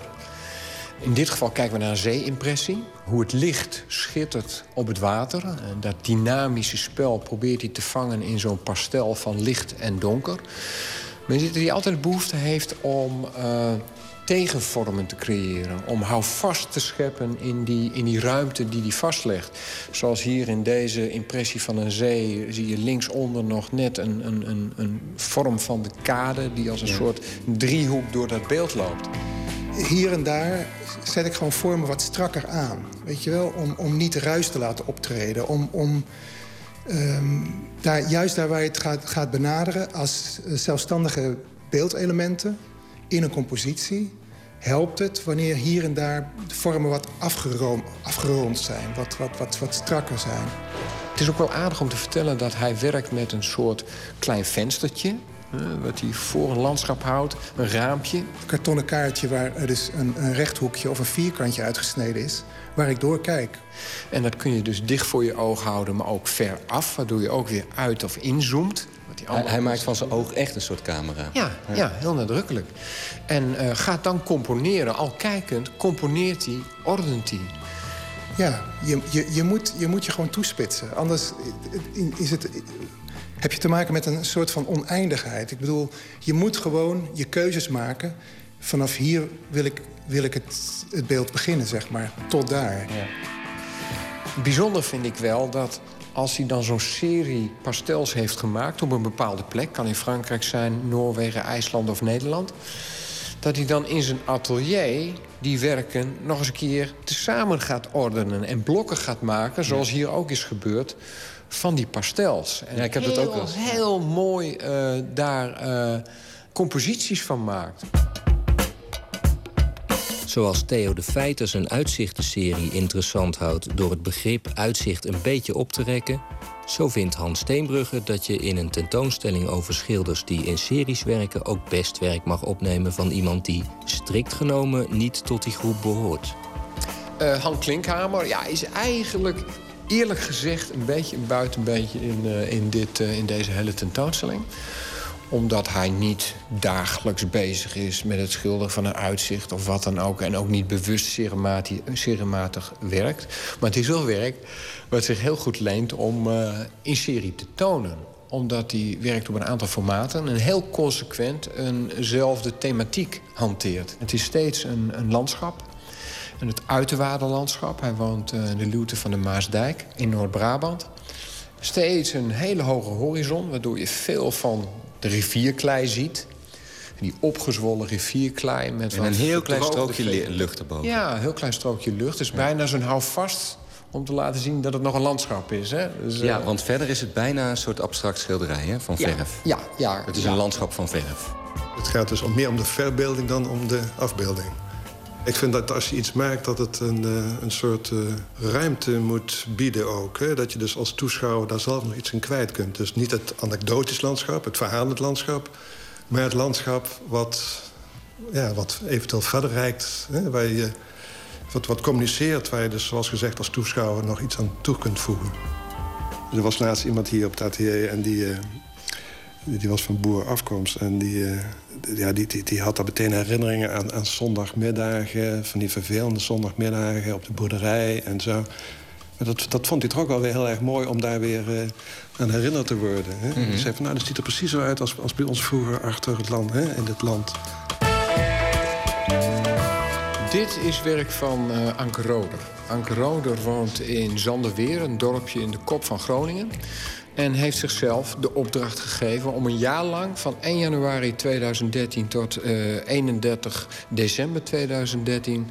het licht te schilderen, het waddenlicht te schilderen... en de nuances van eh, het waddenlicht te schilderen. Elke dag heeft ze een paneeltje geschilderd... En het hangt hier als een soort tegeltableau. Heel dicht ja, opeen. je zit zelf wel prettig eh, ingericht. Je, je zit tussen twee tegeltableaus. eh, ja, dus ter weerszijde, ja, dan, eh, je, wordt, je wordt ingeklemd in dat, in dat jaar.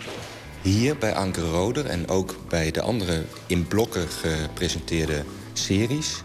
zie je wel dat het geheel meer is dan het enkele ding. Hè? Dus, dus dat, ze, dat die schilderijen, als je zo in zo'n blok presenteert... Van, en iets, die iets seriematigs hebben, dat die elkaar ook echt versterken. Ja, uiteindelijk binnen zo'n serie hebben ze elkaar natuurlijk ook nodig.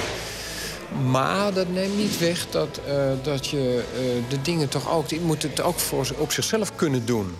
Ja, dat is namelijk de vraag. Als je er eentje uitlicht uit zo'n serie... is die dan nog steeds zo sterk als die in de serie werkt? Ja, maar dat is een gewetensvraag. Maar als ik er heel eerlijk op kan antwoorden... dan we staan nu bij Anker Rode... Mhm. dan zou ik er zo een aantal tussen kunnen, uit kunnen halen... van ik zeg van ja, die kunnen heel goed op zichzelf staan. Maar... Ook een aantal dat- niet. Nou, dat geef ik toe. Er zijn een heleboel schilderijen... die je als het vaak kunt interpreteren als een soort tussenschilderijen. Die, die, die de opmaat zijn naar een volgende dag... waarbij het licht toch wat mooier is geweest... en sfeervoller is geweest. Die neem je in zo'n serie natuurlijk mee. Die horen er dan bij, die hebben hun een betekenis. Maar ik vind ook wel dat je, als je die isoleert... dat je dan een minder krachtig ding hebt dan een aantal... eh, zoals die, die pracht met die sterrenhemel. Er zijn er dus een aantal die het niet zonder de rest kunnen stellen in zo'n Ja, serie. en dat is een, eh, een goede conclusie. Een bijdrage van Gijsbert van der Wal over de tentoonstelling Lichte Observaties Werken in Serie. Nog tot 22 juni te zien in het Museum Belvedere in Oranjewoud in de buurt van Heerenveen. Kim Deal, bekend als de zingende bassist van The Pixies en The Breeders, heeft onder eigen naam net een reeks singles uitgebracht. Ouderwets op vinyl met een A-kantje en een B-kantje. Een van die liedjes, Are You Mine? Are you mine?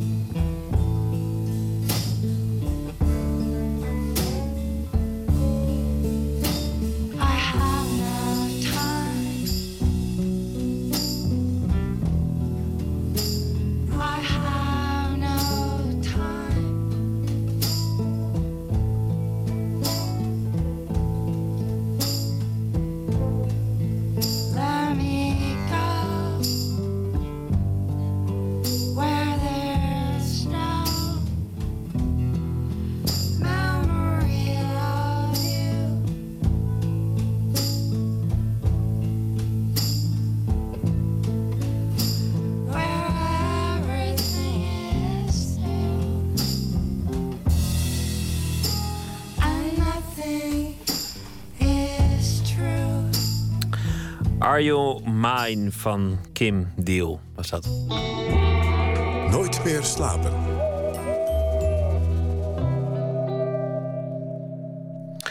Een gruwelijke foto vandaag eh, in de kranten. Onder andere de buitenlandpagina van NRC Handelsblad.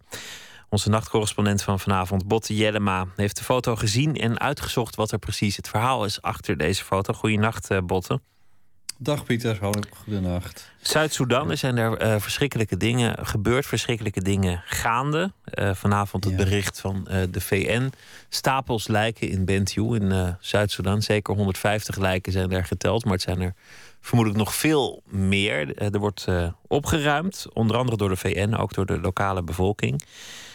Omschrijf de, de gruwelijke foto waar we het over hebben. Ja, ik eh, werd er eigenlijk gewoon een beetje misselijk van toen ik hem eh, zag. Maar ik wilde eigenlijk wel weten waarom zo'n heftige foto nou eigenlijk in de krant komt. En dan blijkt dus dat deze foto nog niet eens de meest heftige was. Maar daar straks iets meer over. Inderdaad, die foto, wat staat daar nou op?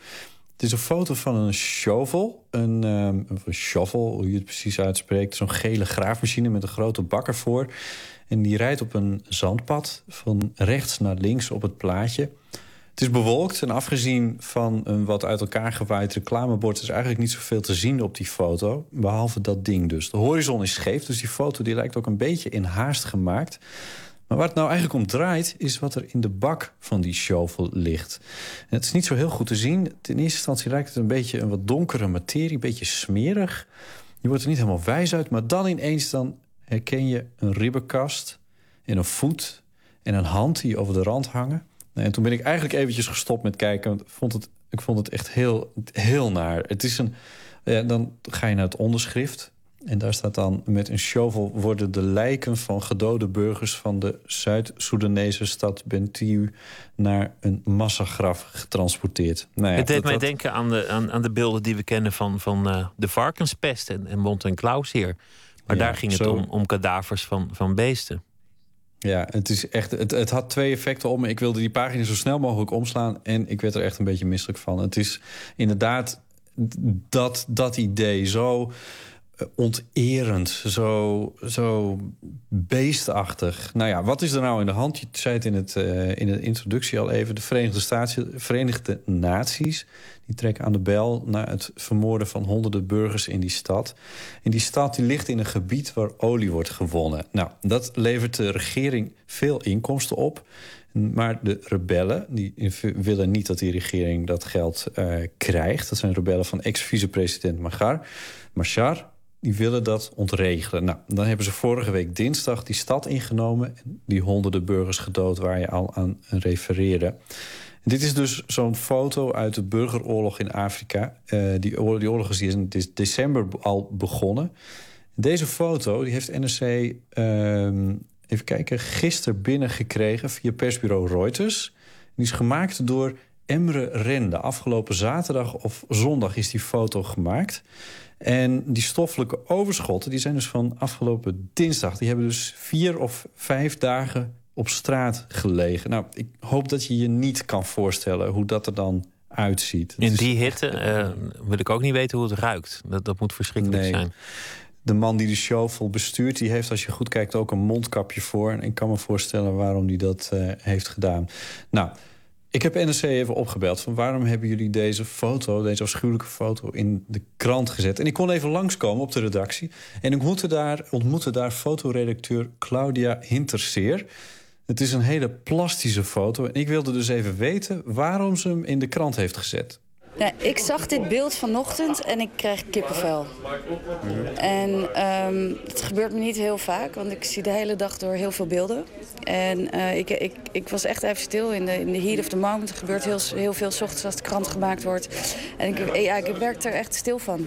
En eh, toen dacht ik van, ja, dat moet zo. Omdat daar dingen gebeuren vandaag de dag die ik persoonlijk vind... en, en gelukkig iedereen hier bij de krant eh, dat ook vond. Want het is wel met verschillende mensen besproken van gaan we dit doen, ja of nee. Eh, maar dit gebeurt.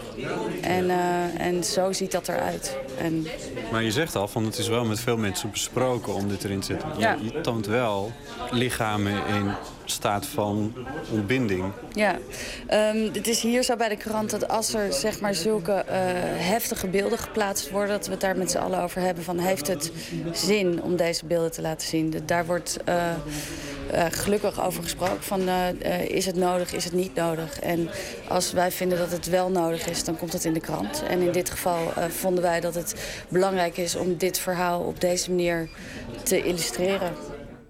Ja, Ja, nou, hoe ging... Het is Sorry, natuurlijk ook een oude discussie in, in zekere zin. Het, het nieuws is gruwelijk. De, de waarheid is gruwelijk. Ehm, dus, dus ja, dan zal de foto uiteindelijk ook gruwelijk zijn.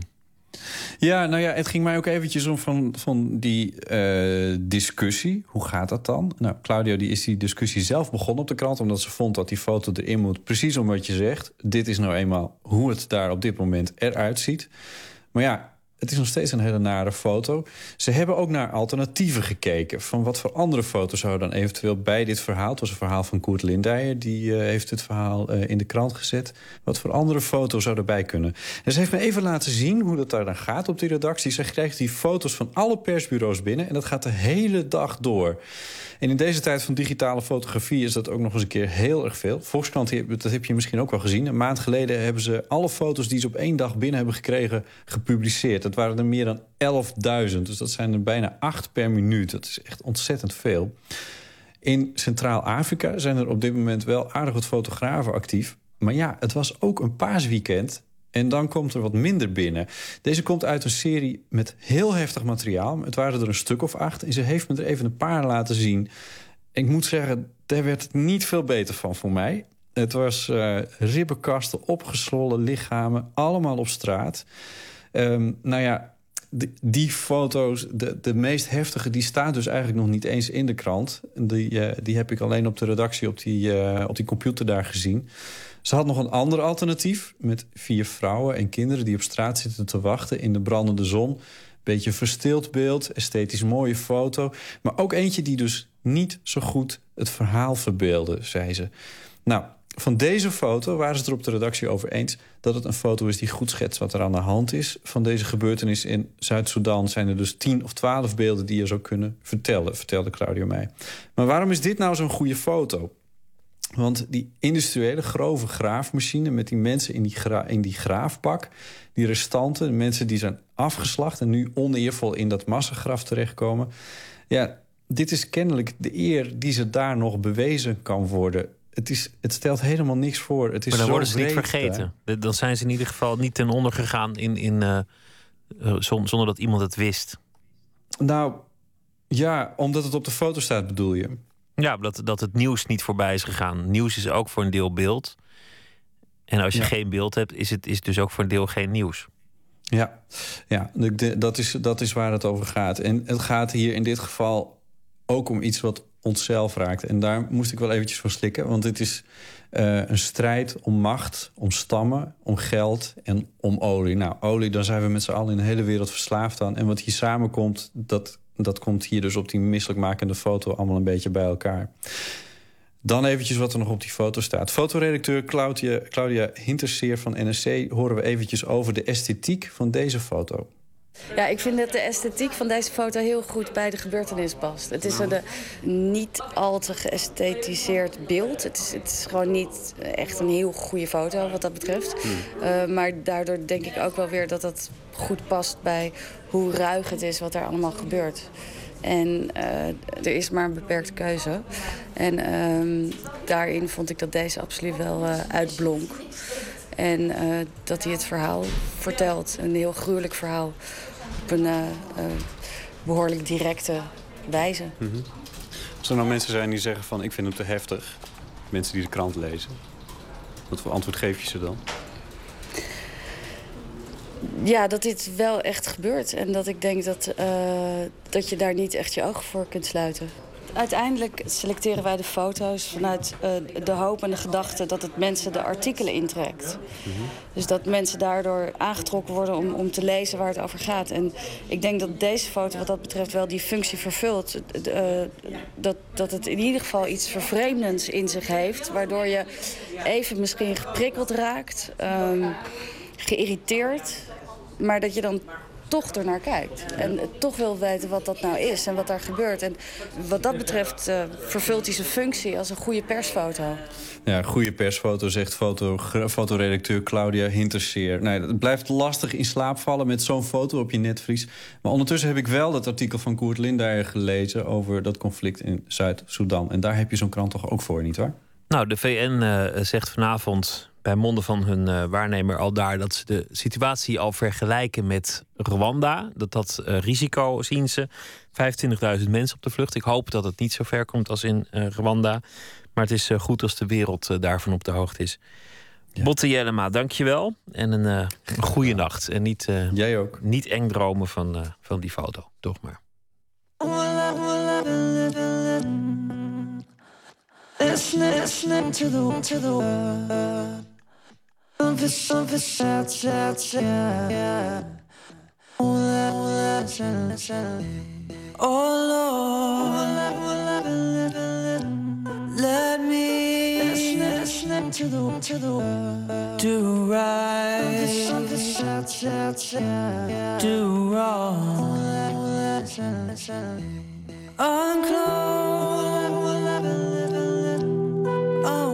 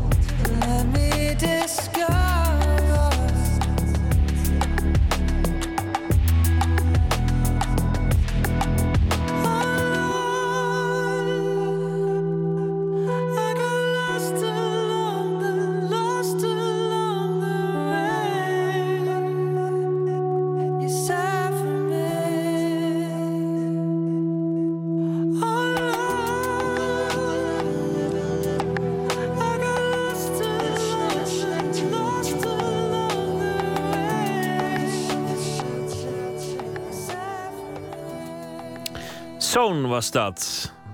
Tempest, afkomstig van zijn debuutplaat Paralyzed.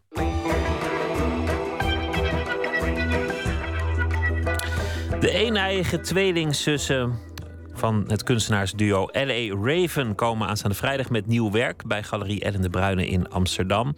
Ze hebben naam gemaakt met spraakmakende performances, onder andere over hun eetstoornis en het slankheidsideaal. Laura Stek bezocht Lisbeth en Angelique Graven bij Lisbeth thuis in Amsterdam en sprak met hem over symbiose en het losmaken. Dit is dan zo. Daar komt het in. De baarmoeder. Wieg. Dus dit zijn de eierstokken. En dit is de baarmoederhals en dit is een vagina. En dus hier komt het matrasje. Lisbeth en Angelique Raven laten hun nieuwste creatie zien op de computer. Een grote roze baarmoeder in de vorm van een wieg. Als je het eh, helemaal zo ziet, dan denk je in eerste instantie helemaal niet aan een baarmoeder. Dan denk je, wat, wat is dat voor een raar eh, dier of zo?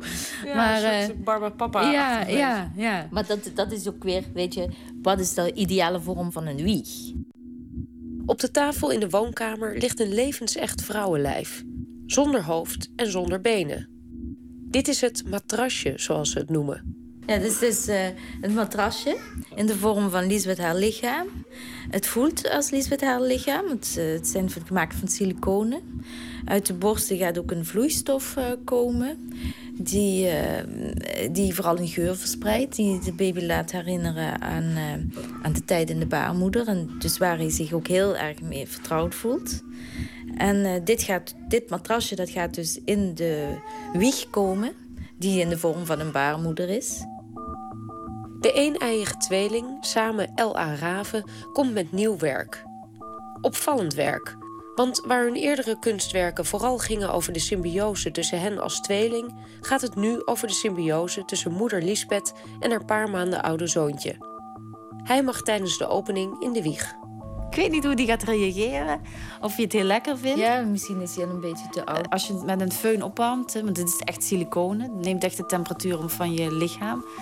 Dus als je hem nou warm maakt, gaat hij het heel lekker vinden, denk ik. Dit werk staat voor een nieuwe fase voor het kunstenaarsduo. Maar het was er bijna niet van gekomen. Want tot voor kort ging het niet goed met hun relatie. Lange tijd deden ze alles samen. En alles, dat betekent ook echt alles.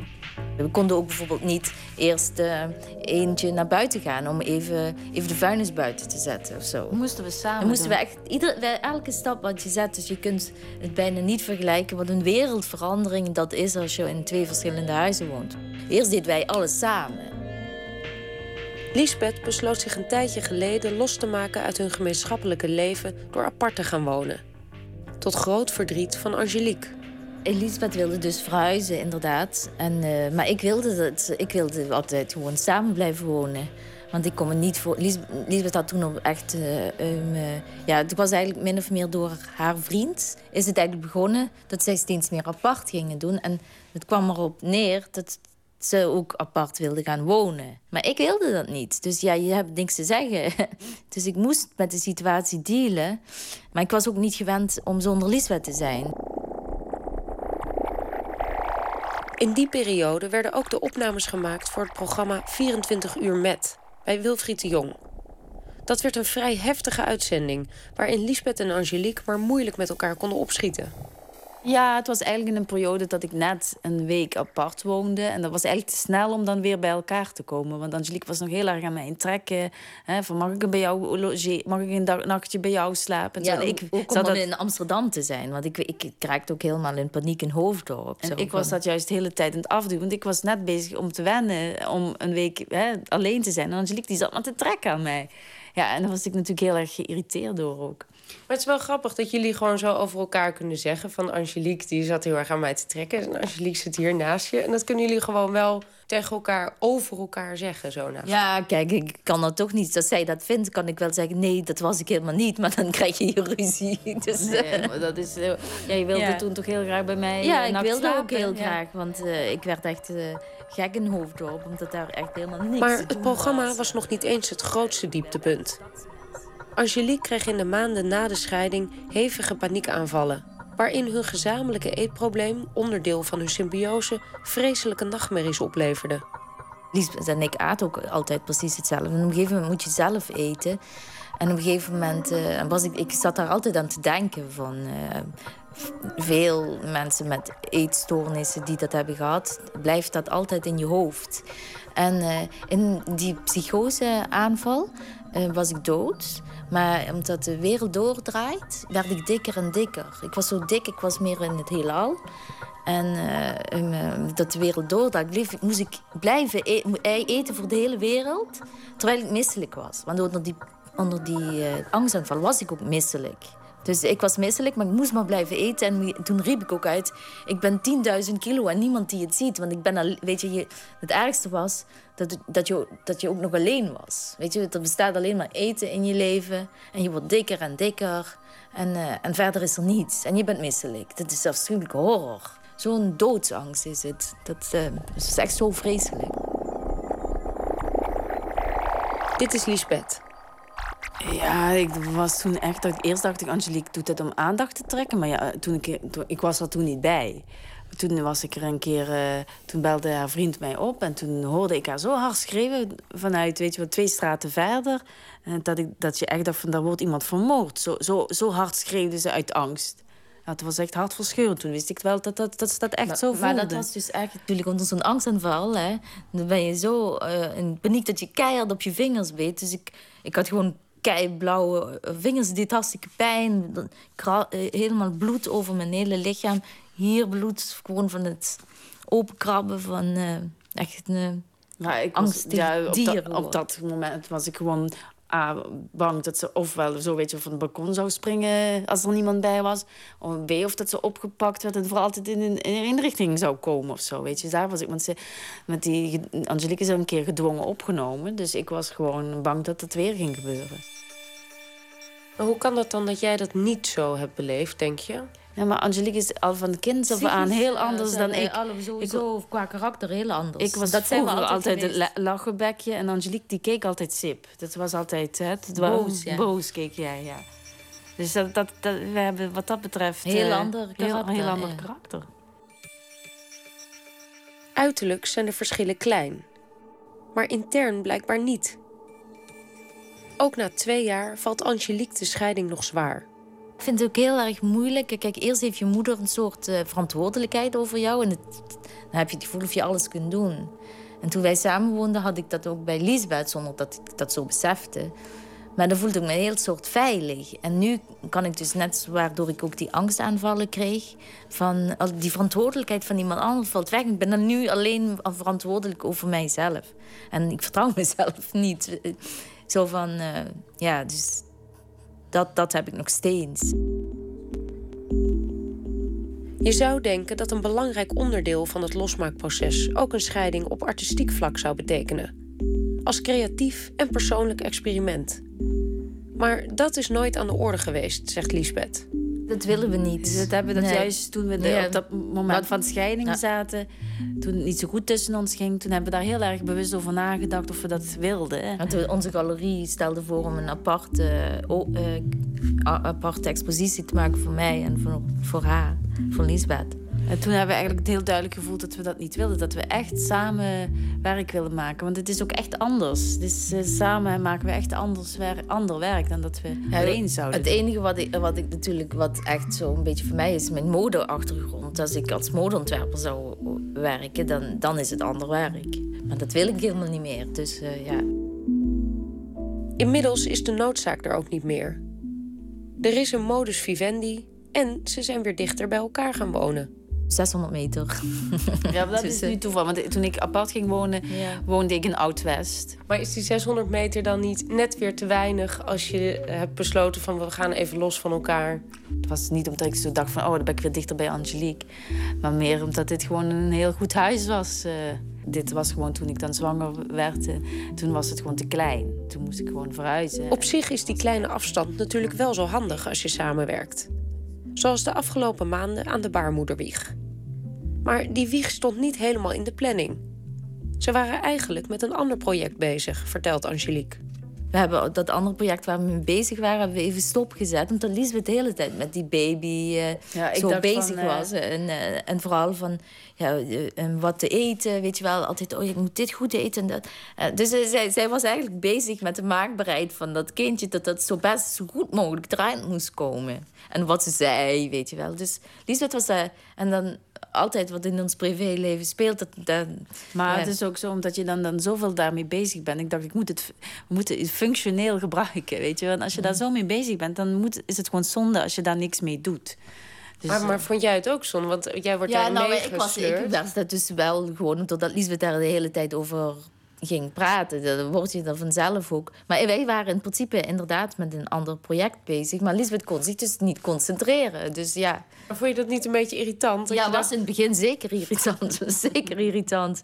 Maar ja, ik kon het ook begrijpen, weet je. Het was allemaal zo spannend. En eindelijk was ze zwanger.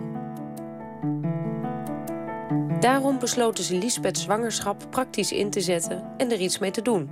ik was een beetje bang, weet je wel. Je moet, moet niet zo'n zo, zo, eh, eh, zo'n werk zijn, weet je, zo hobbyachtig. Weet je wel, dat iemand alleen nog maar over zijn kind Nee. dingen gaat maken. Maar ik vond Ja. het, het was ook tegelijkertijd... eh, want daarmee had ik Angelique wel overtuigd... eh, om een, een reden om tekeningen te maken. Want Angelique had een tijdje gestopt met tekenen. En toen dacht ik van, dan heb je echt weer een reden om te gaan, om, om te gaan model tekenen. Want dan, want dan kun je mij natekenen, weet je. Dus dat was dan... Dat de, in de tentoonstelling vrijdag zijn er ook heel veel tekeningen te zien... van voor de zwangerschap en na de zwangerschap. Terwijl ik normaal, normaal altijd hele dunne meisjes eh, teken. En dat vind ik ook het fijnste om te tekenen eigenlijk. Maar ik bedoel, dus nu moest ik... En, en ik heb Lisbeth in die dunne periode heel vaak getekend. Al, en, eh, maar, ook, maar op een gegeven moment ja, wil je een nieuwe uitdaging. En dat was het inderdaad. Ik vraag Angelique of ze zich niet buitengesloten voelde na de bevalling. Een kind kan natuurlijk als de ultieme scheiding worden ervaren. Ja, maar toch, eh, iedere ding wat er gebeurde, dan werd ik ook meteen weer Ja. opgebeld. Zo van, wat moet ik nu? Dit heeft de dokter gezegd en nu? En zo, weet je. Dus ja. En Angelique is ook bij de bevalling, bevalling geweest, heeft gefilmd. Zij zag eigenlijk als eerste het, hoofdje Ja. eruit komen en zo. Dus ik denk dat Angelique misschien nog wel emotioneler was tijdens de bevalling dan ik zelf. Bovendien, zegt Lisbeth, gaat hun nieuwe werk ook niet alleen om haar en haar zoon. Uiteindelijk gaat het toch weer terug op hun ervaring als tweeling. Om het individu versus symbiose, om volwassen worden en verantwoordelijkheid nemen. Aan de ene kant gaat het ook wel weer heel erg over, eh, ja, over eh, onze symbiose. Of in ieder geval wat onze geschiedenis. Want wa- wat, ik, wat Angelique net zo zei, dat zij dus die, die verantwoordelijkheid van zelf over zichzelf niet graag draagt, weet je. Dus dat bijvoorbeeld mo- je moeder altijd de verantwoordelijkheid eh, had over jou als in de kindertijd. En dat je dat heel erg lekker vond. Dat, dat Daar is gaat. Mindless daar- Living 1 ook over. Hè? En we wilden nu een Mindless Living 2 maken. Dus kijk, dat gaat er eigenlijk gaat het erom dat als je geen verantwoording hebt, dat je gewoon eh, dat dat ook heerlijk een heerlijk leventje is, want je hoeft geen zorgen te maken en je hoeft niks te beslissen. Maar het zorgt ook dat je geen eh, individu wordt. En daarom, dat je daarom niet is het ook. wordt. Ja, het is, het is, Het is natuurlijk- nodig. Het is Ja. nodig om het wel te doen. Maar het gaat eigenlijk meer over verantwoordelijkheid. En, eh, net dus daar gaat het toch weer over. Ja, en net hetzelfde Ja. als eh, anorexia een soort uiting is van dat je niet volwassen wil worden, is dit eigenlijk Mindless Living eh 2, dus het nieuwe werk, ook iets, weet je. Maar van, natuurlijk ik er besluit ook- om niet op te groeien. Maar om het niet, zit er natuurlijk wat er ook heel erg in zit, is bijvoorbeeld. ja, je hebt toen misschien die documentaire over. Ze kunnen eindeloos praten over hun nieuwe werk. Daarin vullen ze elkaar aan, gaan ze tegen elkaar in of zijn ze twee handen op één buik. Dan praten ze even synchroon. Maar of de zussen ooit echt uit hun eigen wurggreep komen? Ja, voor mij blijft het altijd lastig, denk ik. Maar ik ben een lastig persoon, dus eh, dan eh, blijft het altijd lastig. We, ze zullen nooit weten of het. eh, want we hebben eh, altijd blijven heftige discussies houden. en altijd, het zal ja, maar nooit saai worden tussen ons. Dus, eh, maar dat hebben we ook nodig voor ons werk, Ja. denk ik. Dus eh, dat is altijd een verrassing wat er, wat er gaat Mm. komen. Je kunt niet zeggen van, oh, nu zijn we op een eindpunt gekomen dat alles nu goed gaat, hoor. Nee. Dat, eh, dat weet je toch nooit. Tot zover. En morgen namiddag weer Nooit meer slapen. Voor nu een